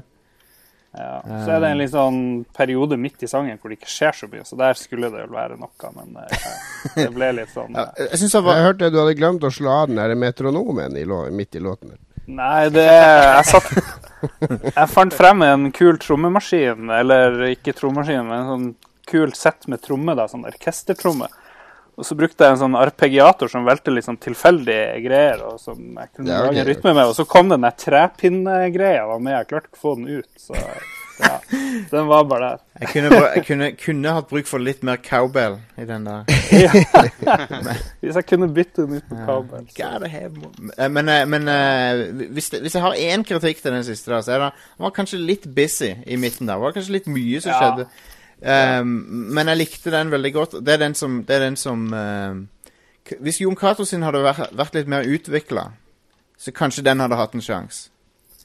Men den er litt for uh, det, det, det, det er en smakebit på noe bra i Jon Cato sin, men, eh, men, mm. men uh, Lars, din, din er det nok den beste i denne runden her. For det første så høres det ut som det kunne vært noe, en login-skjerm til et MMO. Um, Mm. Takk, takk. for, det, for det andre så var det liksom det var, Jeg, jeg, satte, satte en stemning som det, det, det sier i hvert fall til meg at det er et fantasy MMO, da. Eh, mens uh, Jon Cato sitt eh, var litt, litt underutvikla. Men Ja, det var 15 minutter, som sagt. Så eh, Ja. den, eh, den, har, den har potensial, da. Det er godt at du så det. ja, ja, han har det. Han, hørte det. det. er- det, det er et frø av noe der. Det er det. Det er bra å høre. Det er altså 2-2, og vi har én låt igjen, så det blir ekstremt spennende. Men før eh, alle siste låtene skal spilles, så skal vi selvfølgelig snakke om hva vi har spilt i det siste. Uh, og da kan jo, eh, kjære Jostein, du kan jo begynne, for du har, Ja. du har spilt eh, en, en, et kickstarter-finansiert nytt spill Yep. basert på en spillserie fra 90-tallet som mange er veldig glad i. Hva er det du har spilt for noe? Det er Tesla Effect kolon A Tex Murphy Adventure. Eh, Tex Murphy-spillet, altså. Med, det er med opp, opprinnelige skuespillere og alt. Ja, ja, de, de uh, Mange av de du nå, nå skal jeg love ingen story-spoilere her, men mange av de du liker fra Tex Murphy-serien, er tilbake. Inkludert en som jeg så veldig mye spekulasjon på om han skulle være tilbake, for det er den mest kjente av de. Sånn, det er jo en internasjonalt kjent skuespiller som, er, som har en viktig stemme i de gamle spillene. Da, og folk trodde nei, det er aldri, aldri ikke sjans at de får han tilbake, men han er, han er med. Så Men uh, han får vel ikke all verdens av filmtilbud lenger heller, da? Nei, det? men det, men, det, men, det, men det er kult å høre stemmen hans i noe nytt nå plutselig. liksom. Ja, ja, ja. Wow, wow, er han med, liksom? Men fordi Vi har kanskje lyttere som ikke har vært borti Takes Murphy-serien. På 90-tallet så var jo det en litt uh, spesiell adventure-serie. Det var jo la, det var en fyr som sto Som var liksom hjernen bak de, og han spilte også hovedrollen som en detektiv i San Francisco i 2048 eller noe sånt. Ja.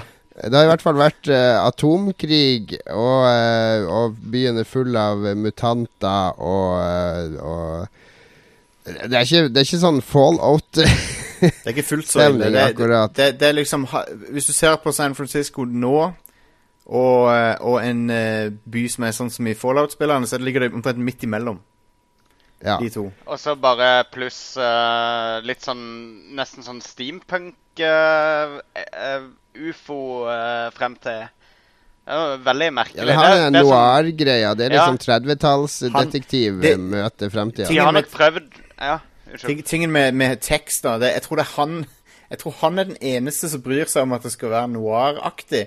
For, det, for det, han, han har en sånn ønsketenkning om at han er en noir-detektiv. Det er ingen, ingen andre som give a fuck om det, liksom. Det er han, men han, han, har, han lever den livsstilen, for han, han vil være liksom Sam Spade. sant? Det, Men jeg tror ikke noen andre bryr seg. De er opptatt med sine ting, liksom. Egentlig så er Ja, litt... men du har jo Han, han møter jo en sånn der femme fatale og Jo, jo, det, det er sant. Det, det, det er et godt poeng. Men det, følger jo litt av de reglene. Chris Jones er tilbake som Tex Murphy. Han virker som han ikke har uh, hatt pause med å spille Tex Murphy. Han bare hopper rett inn i rolla igjen, akkurat sånn som han var i de gamle spillene. Litt, Kult. litt uh, fysisk eldre, da, men, uh, men uh, ellers er det liksom ingen forskjell. Helt, Det er veldig kult. Um, FMV-klippene er gjort FMV, da mener vi full motion video. Det er jo Tingen med Tex Murphy-spillerne er jo at det er skuespillere som står foran det. Ja, ja, ja. Det var det som var kult på 90-tallet. Ja, ja. Og um, de klippene er jo det beste med spillet. Ja. Og, og det er jo heldigvis, egentlig, for det er jo det du vil ha. sant? Du vil ha mer de Men hvordan er egentlig spillet rundt i klippene? Er det, det er jo største svakheten med Tesla-effekt, dessverre. ja. Um, og det føler jeg var sterkere i Pandora Directive, uh, der, der det var Det var det beste adventure-spillet av de, syns jeg. Det spilte Um, jeg aldri. Det er bedre enn Under Killing Moon. Ja, det sier det. Jeg har det Mm. liggende i to versjoner, faktisk. Oh, wow. For Eh, jeg men- er geek. Ti- Tingen er, eh, I Tesla-effekt så, så merker du at eh, Kanskje av budsjettårsaker så er miljø, miljøene du utforsker i 3D, da, for da, da er det jo polygonbasert 3D, sant, så du driver og går rundt i første person og utforsker, det ser, Ja, ser litt shabby ut. Det, det, det ser ikke så bra ut. Det, det, ehm, jeg føler at det er Pengene er brukt på FMV-ene. Og uh, fair, fair enough, egentlig. Det er det du vil ha. Så uh, Men jeg hadde Jeg hadde håpet på litt bedre Med litt mer forseggjorte miljøer, da. Ja. Uh, Men, men et, et viktig spørsmål er jo hvem eh, Hvis du ikke har noe forhold til Tex Murphy fra før av, er, er, er det her noe som som er verdt å spille i det hele tatt, eller, eller blir det bare for dumt? jeg, det er et veldig vanskelig spørsmål. Jeg prøvde å Jeg har prøvd å, å svare, tenkt, svare på det til meg sjøl. Er det noe som hadde vært interessant? Jeg tror jeg tror hvis du er en fan av moderne adventure-spill som eh, Walking Dead, og sånn, så, så, kan, så er det nok en del av de folkene som vil finne noe like her. For du har, du har jo en storyline med forskjellige gre av, eh, sånne, ut, sånne greiner, liksom, som Du har flere forskjellige slutter. Altså, du, du har det aspektet, så det, det er ganske underholdende sånn sett. Uh, egentlig eh, eneste store tingen er, som, som holder det tilbake, er, virker som det har vært at de ikke hadde penger til å gjøre eh, selve utforskingsdelen så bra som, som FMV-sekvensene. For at det, i, i, Du kan si at eh, der de har sydd sammen gameplayet med FMV-sekvensene, der, der eh, er det en ganske skarp kontrast mellom det du ser i i den utforskningsfasen av spillet, og hvor bra de FMV-sekvensene faktisk ser ut. så, Ja, nettopp. så det er litt sånn der eh, grim kontrast der. Det, det er ikke alltid det så um, for, for jeg må bare gjenta at de videosekvensene er veldig bra. Så det, det er det Det er derfor det er litt skuffende når resten ikke henger med. Ja, nei, men det er kult. Var, var du med å kickstarter-finansiere det, du? Ja, jeg var det. Var det. men, Men, men du har også snakka Du har intervjua Chris, ja, eh, har har du ikke det? Jo, jeg har det. Det var, det var jævlig sært. Det var- Men Hvordan var han i virkeligheten? Kjempegrei. Men eh, jeg var veldig nervøs, så Det er vel eneste, eneste gang jeg har vært nervøs. Når jeg har intervju, intervjua noen, faktisk. Ja. For, jeg- for det, jeg vet ikke, det var, det var bare rart, for jeg har jo spilt spillernavns når jeg var tenåring og sånn. så det var veldig sært. ja, ja. Veldig, det veldig, veldig rart. Men eh, det, det var Til syvende og sist er det en glede at eh, han er tilbake i det spillet. Og eh, kul, kul story. Vel verdt å se, se den storyen, da. Selv om, eh, selv om selve spillet i seg sjøl kanskje ikke er sånn superinspirerende. Så, så, så er det en kul story. Kult å høre. Og for de som vil eh, ha, mer av Jostein sine inntrykk, så har du en anmeldelse ute nå på norske IGN. Ja, er stemmer det, ja. det var de som bidro med, med copyen av spillet, så da tenkte jeg ja, ja, nå får jeg sjanse til å spille litt tidlig. Nettopp. så Nettopp. Så da er det bare å klikke seg inn på IGN hvis du vil lese en mer utfyllende anmeldelse fra eh, Jostein. Riktig. Uh, takk for det, Jostein. Yep. Lars, du er på eh, Heartstone-kjøret, Ja, har jeg skjønt. Ja, det har vi jo kanskje snakka nok om, men jeg har ikke blitt lei. av Jeg en ukes tid og ja, syns det er veldig morsomt. Jeg har ikke brukt en eneste krone hittil, da. Eh, f- Men jeg har lest råd om at man ikke bør kjøpe packs, men kun spille arena. Ja. Er det det dere eh, gjør, dere andre? Du får Definitivt. masse rewards i arena, men det er mer eh, det, Magnus, du kom jo med et råd om å bruke den nettsida Icy Veins. Icy Veins, ja. Ja, fordi der uh, rangerer de alle kortene for hver klasse, sånn at når valget er mellom tre kort, så kan du se på en sånn liste hvilket som er best å velge. Seriøst, sånn. ødelegger ikke det spillet litt?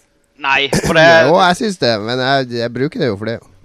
Det ødelegger ikke på noen som helst måte. For det, det er liksom Det er bare å forstå De som ikke forstår spillet i utgangspunktet, som forstår verdien av et kort, får veldig mye igjen for å bruke sånne referanselister. Sånn. Det er riktig. Det, fordi okay. den, den gjorde sånn at jeg tenkte ok, det her må jo være best. Og så ser jeg at det er dårligst. Og Ja. så må jeg begynne å tenke på hvorfor er det egentlig dårlig. Og så, ja, du får en større forståelse av det. Det gjør du. Ja. Nei, så det er bra spill som jeg anbefaler alle. Og jeg tror det må være det mest gjennomførte iPad-spillet jeg har prøvd på lenge. Det passer så veldig bra. Det er så, Interface er så gromt. Og det, det føles ikke som om du er, blir rippa off av noe det, Altså, det er free to play, men det føles ikke som det der Det føles ikke ut som de har hånda i lomma på det. Nei. Ja, jeg har, jeg har eh, det er hårfin segmentene linje, da. Altså. Det er det. Hva sa du? Ja, det er hårfin linje. Jeg syns det går litt for treigt. Jeg syns de kunne gitt ut litt mer gull for, uh, for seire. Jo, men jeg har opplevd verre. Jeg har sett mye verre. ja. Definitivt. Definitivt. Det kommer jo an på hvor mye du spiller. For for meg, altså, jeg går i pluss på gullet. Jeg øker stadig, for jeg spiller bare Arena to-tre ganger i uka i det jeg har tida til. Og ellers så spiller jeg dueller, og da får jeg gjort de her challengene og fått gull og sånn.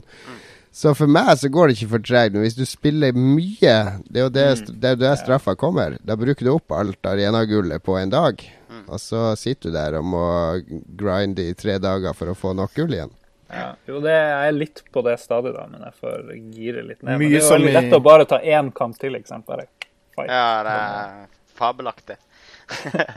Det er også veldig morsomt å duellere mot venner. Jeg har spilt mye mot uh, ekte venner, og det, det er kjempegøy. Så mye prestisje i det òg. veldig fint duellspill. Og da kan du chatte. Jeg spilte mot vår felles venn uh, Øystein Jacobsen, eh, Lars. I, lederen for Piratpartiet. Ja. Han ble han ble helt rasende da jeg knuste han med min prest. Jeg hadde litt flaks med kortene, det skal jeg ha, for han hadde overtaket. Men så jevna han med jorda, og da, Ja, da var, kom det bare sånn. No på chatten der. Ja, jeg tror han kan legge mye prestisje. Han er en sånn dude som vil utnytte systemet. Men eh, et, eh, det glemte jeg tidligere. Eh, Vi burde jo nevne at det har kommet en Amplitude-kickstarter Ja, som jeg har eh, litt lyst til å være med på. Det var jo et eh, flott Der har jeg spilt deg inn 40, 40 bucks allerede. Har du det? Oi, det var mye. Ja, så apropos er det vits å gjøre remakes, så Ja, jeg akkurat det, men- den. Men uh, den ser jeg. Jeg ser den når det, når det gjelder sånne, denne type spill som går på skills, da, og uh, som er litt sånn evig Akkurat som rockband kunne jeg tenke meg å få for neste generasjon også, sånn foreløpig. Mm. Eh, Det her var jo et rockbandspill før man hadde plassgitarer. Du må liksom trykke på knappene på kontrollen. Det er jo fundamentet til Rockband, men, men det, jeg skjønner Det har fått mye kritikk for at de lager kickstart, men jeg skjønner egentlig at de gjør det, fordi det er den eneste måten deres å se om det her er kommersielt gjennomførbart på. Hvis Ja. de hadde brukt ressurser i halvannet år på å lage det og gi det ut, og de hadde ikke solgt noe som helst, så hadde de jo gått konkurs. Men det er visst Sony som eier spillet, visstnok. Etter det jeg har skjønt. Og Sony har retweeta veldig den kickstarteren, så jeg tror det er noe i det der. Ja, nei, men Da, da syns jeg det er litt råttent, for da kunne Sony ha spytta inn litt penger i stedet for at de skal gjøre, legge det over på oss. Men det er, det er min favorittmusikkspillserie noensinne, er jo Frequency og Amplitude, så jeg, jeg bare Pengeboka mi gikk av seg sjøl bort til skjermen og la kredittkortet frem. det gikk noen timer på det mens, vi, mens jeg jobba på Spiderman. Å, herregud, hvor mye vi spilte det. Det som var så digg der, var at vi hadde de der eh, demo-unitsene til PlayStation 2. eh, der Ja. hånd, håndkontrolleren ble liksom holdt av, av demo-uniten. da.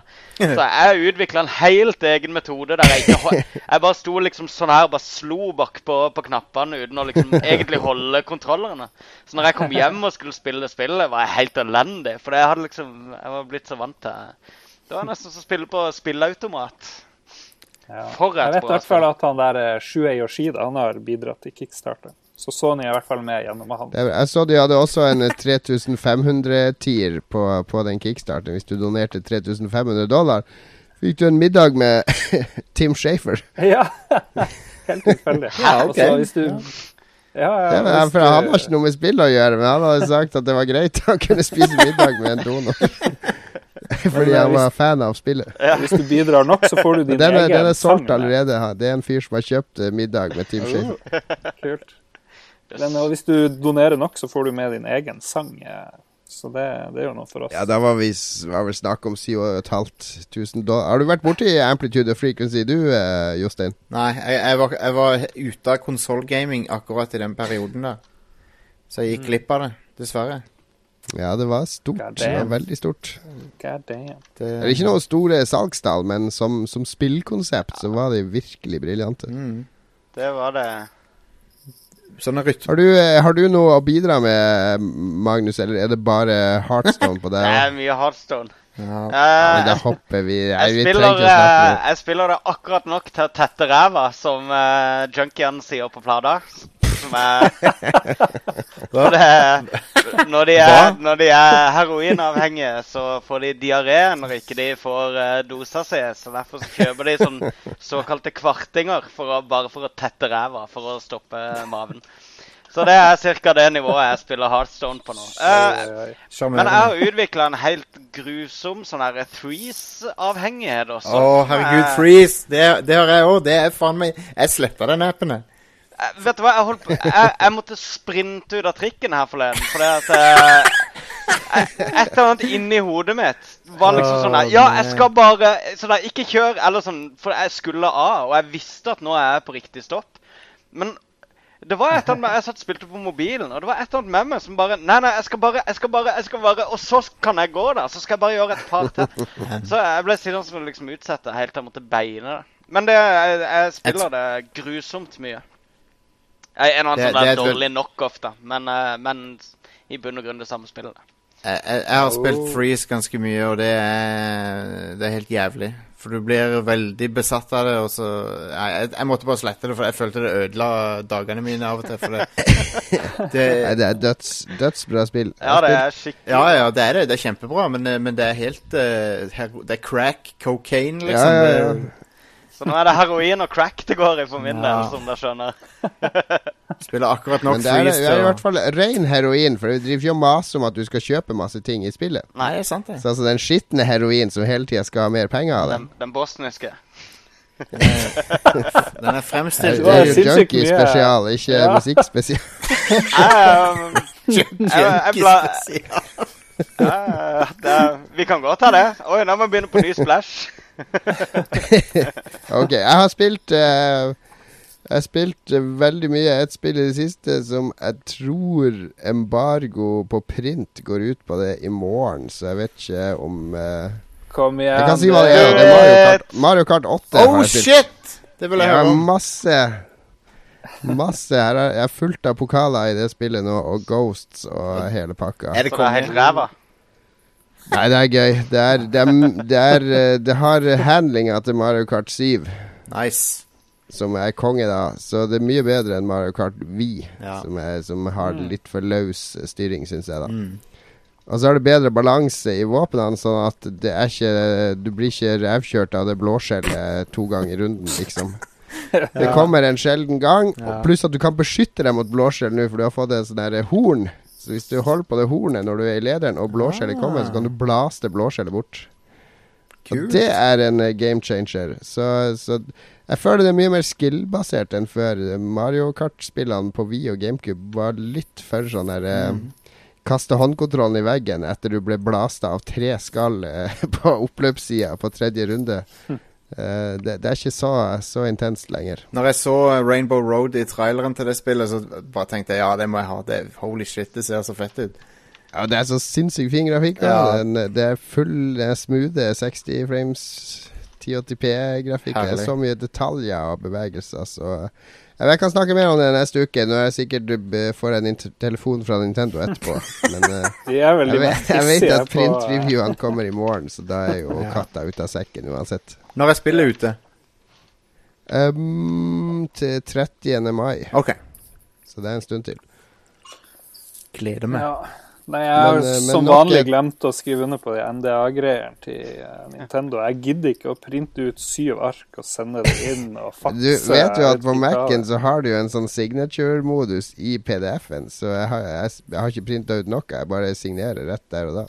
Signature-modus. Uh, ja. Jeg kan fortelle deg om den etterpå, Lars. Vi er kommet til siste del av konkurransen vår. Eh, siste kategori, som er eh, japansk rollespill eh, victory fanfare. Var da temaet. Og det, det er sudden death nå. Nå er det sudden death. Nå er Mm. Og det vi har vel 2-2. spart Mm. det beste til slutt, tror jeg. Jon. Jeg syns det her var begge våre beste verk, egentlig. Spesielt. Jeg brukte vel en to-tre dager på min, tror jeg. Nei, jeg frykter at du stikker av med seieren, og din er veldig bra her. Du kan jo ta din eh, først. Eh, eh, Jeg leide Hva- inn et si orkester, jeg leide inn et orkester, og så er moderen med i kor. Uh, så jeg fikk de til å synge litt. og så sampler jeg det, og så Ja.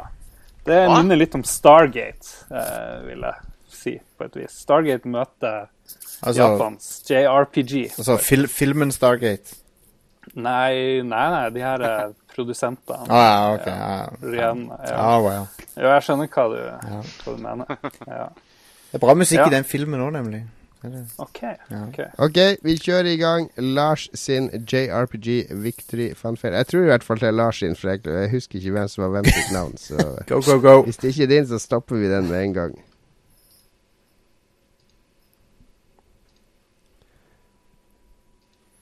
Den var kul. Er det din, Lars? Sound of Silence.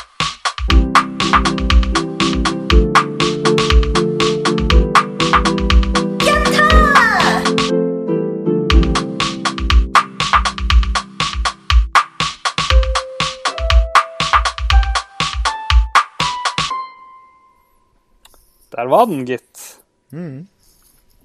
Det var din. Ja. Cool. Ja. Jeg var- brukte ja. kanskje ikke et par uker på den, når jeg tenker meg om. Nei. Jeg har gått, eh, jeg har gått eh, kanskje enda litt mer retro, litt mer som de gamle, de første fire-fem Final Fantasy-spillene, Ja. der det var litt sånn uptempo, rett inn på bass og tromme og sånn. Så yes, her kommer mitt bidrag.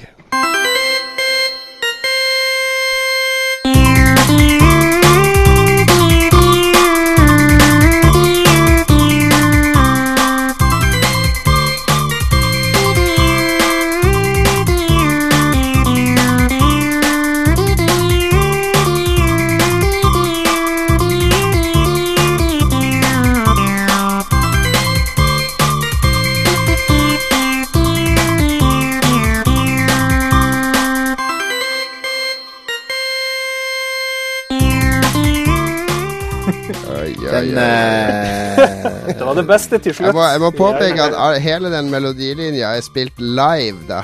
Det er ingen etterredigering, det er kun improv.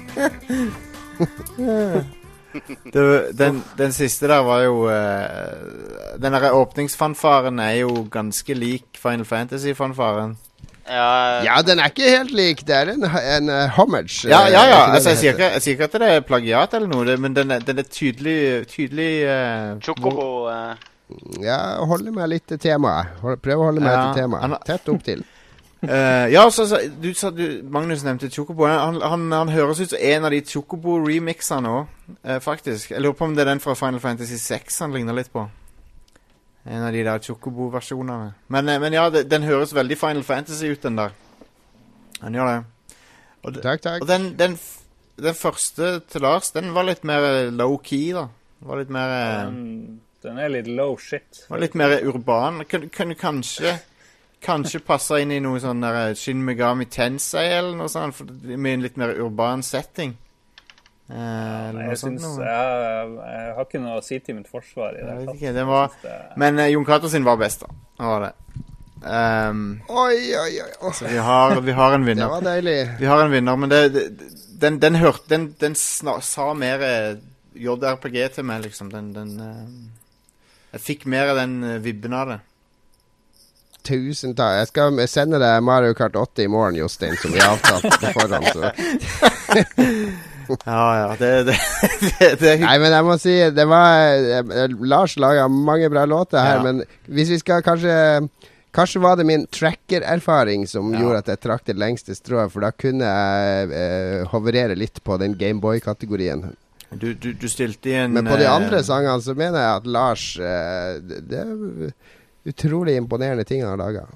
Hadde du sunget mer, Lars, så kanskje Jeg syns Lars eh, Lars hadde et stort spekter av ting han hadde gjort. Og det, det var imponerende.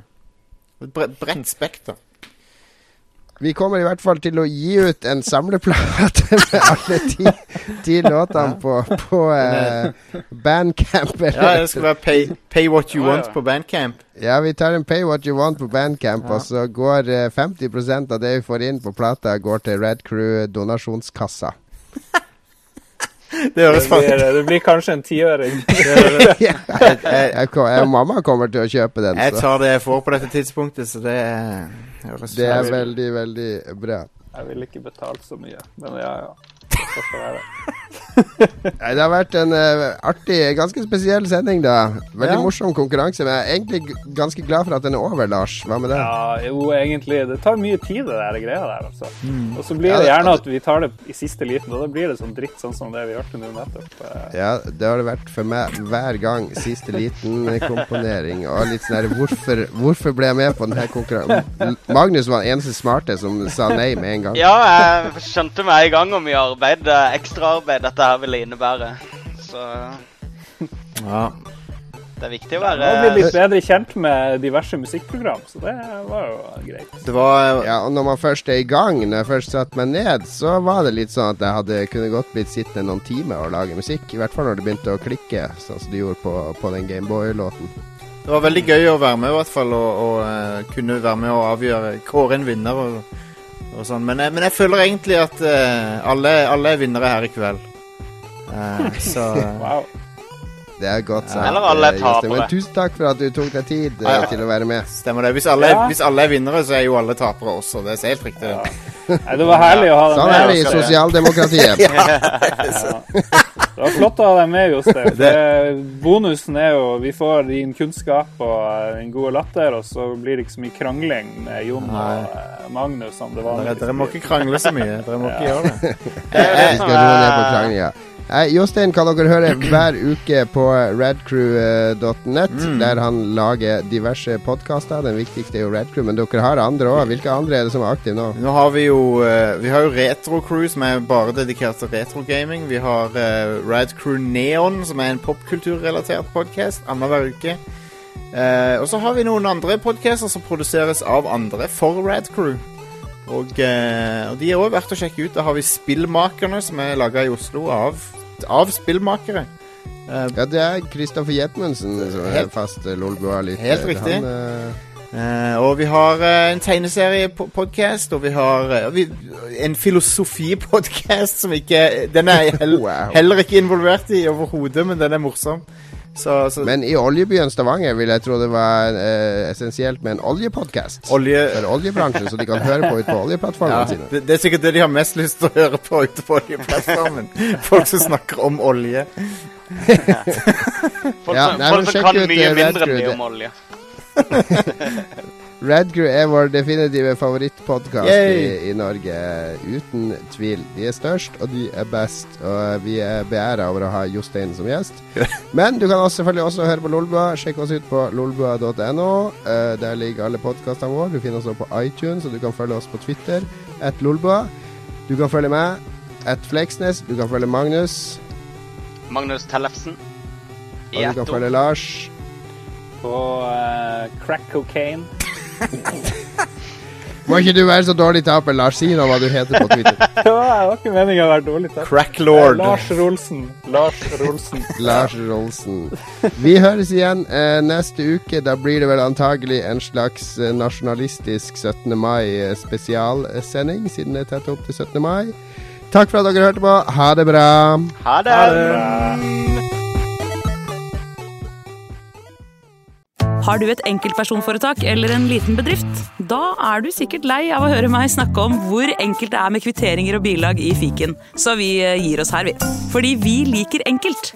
Fiken superenkelt regnskap.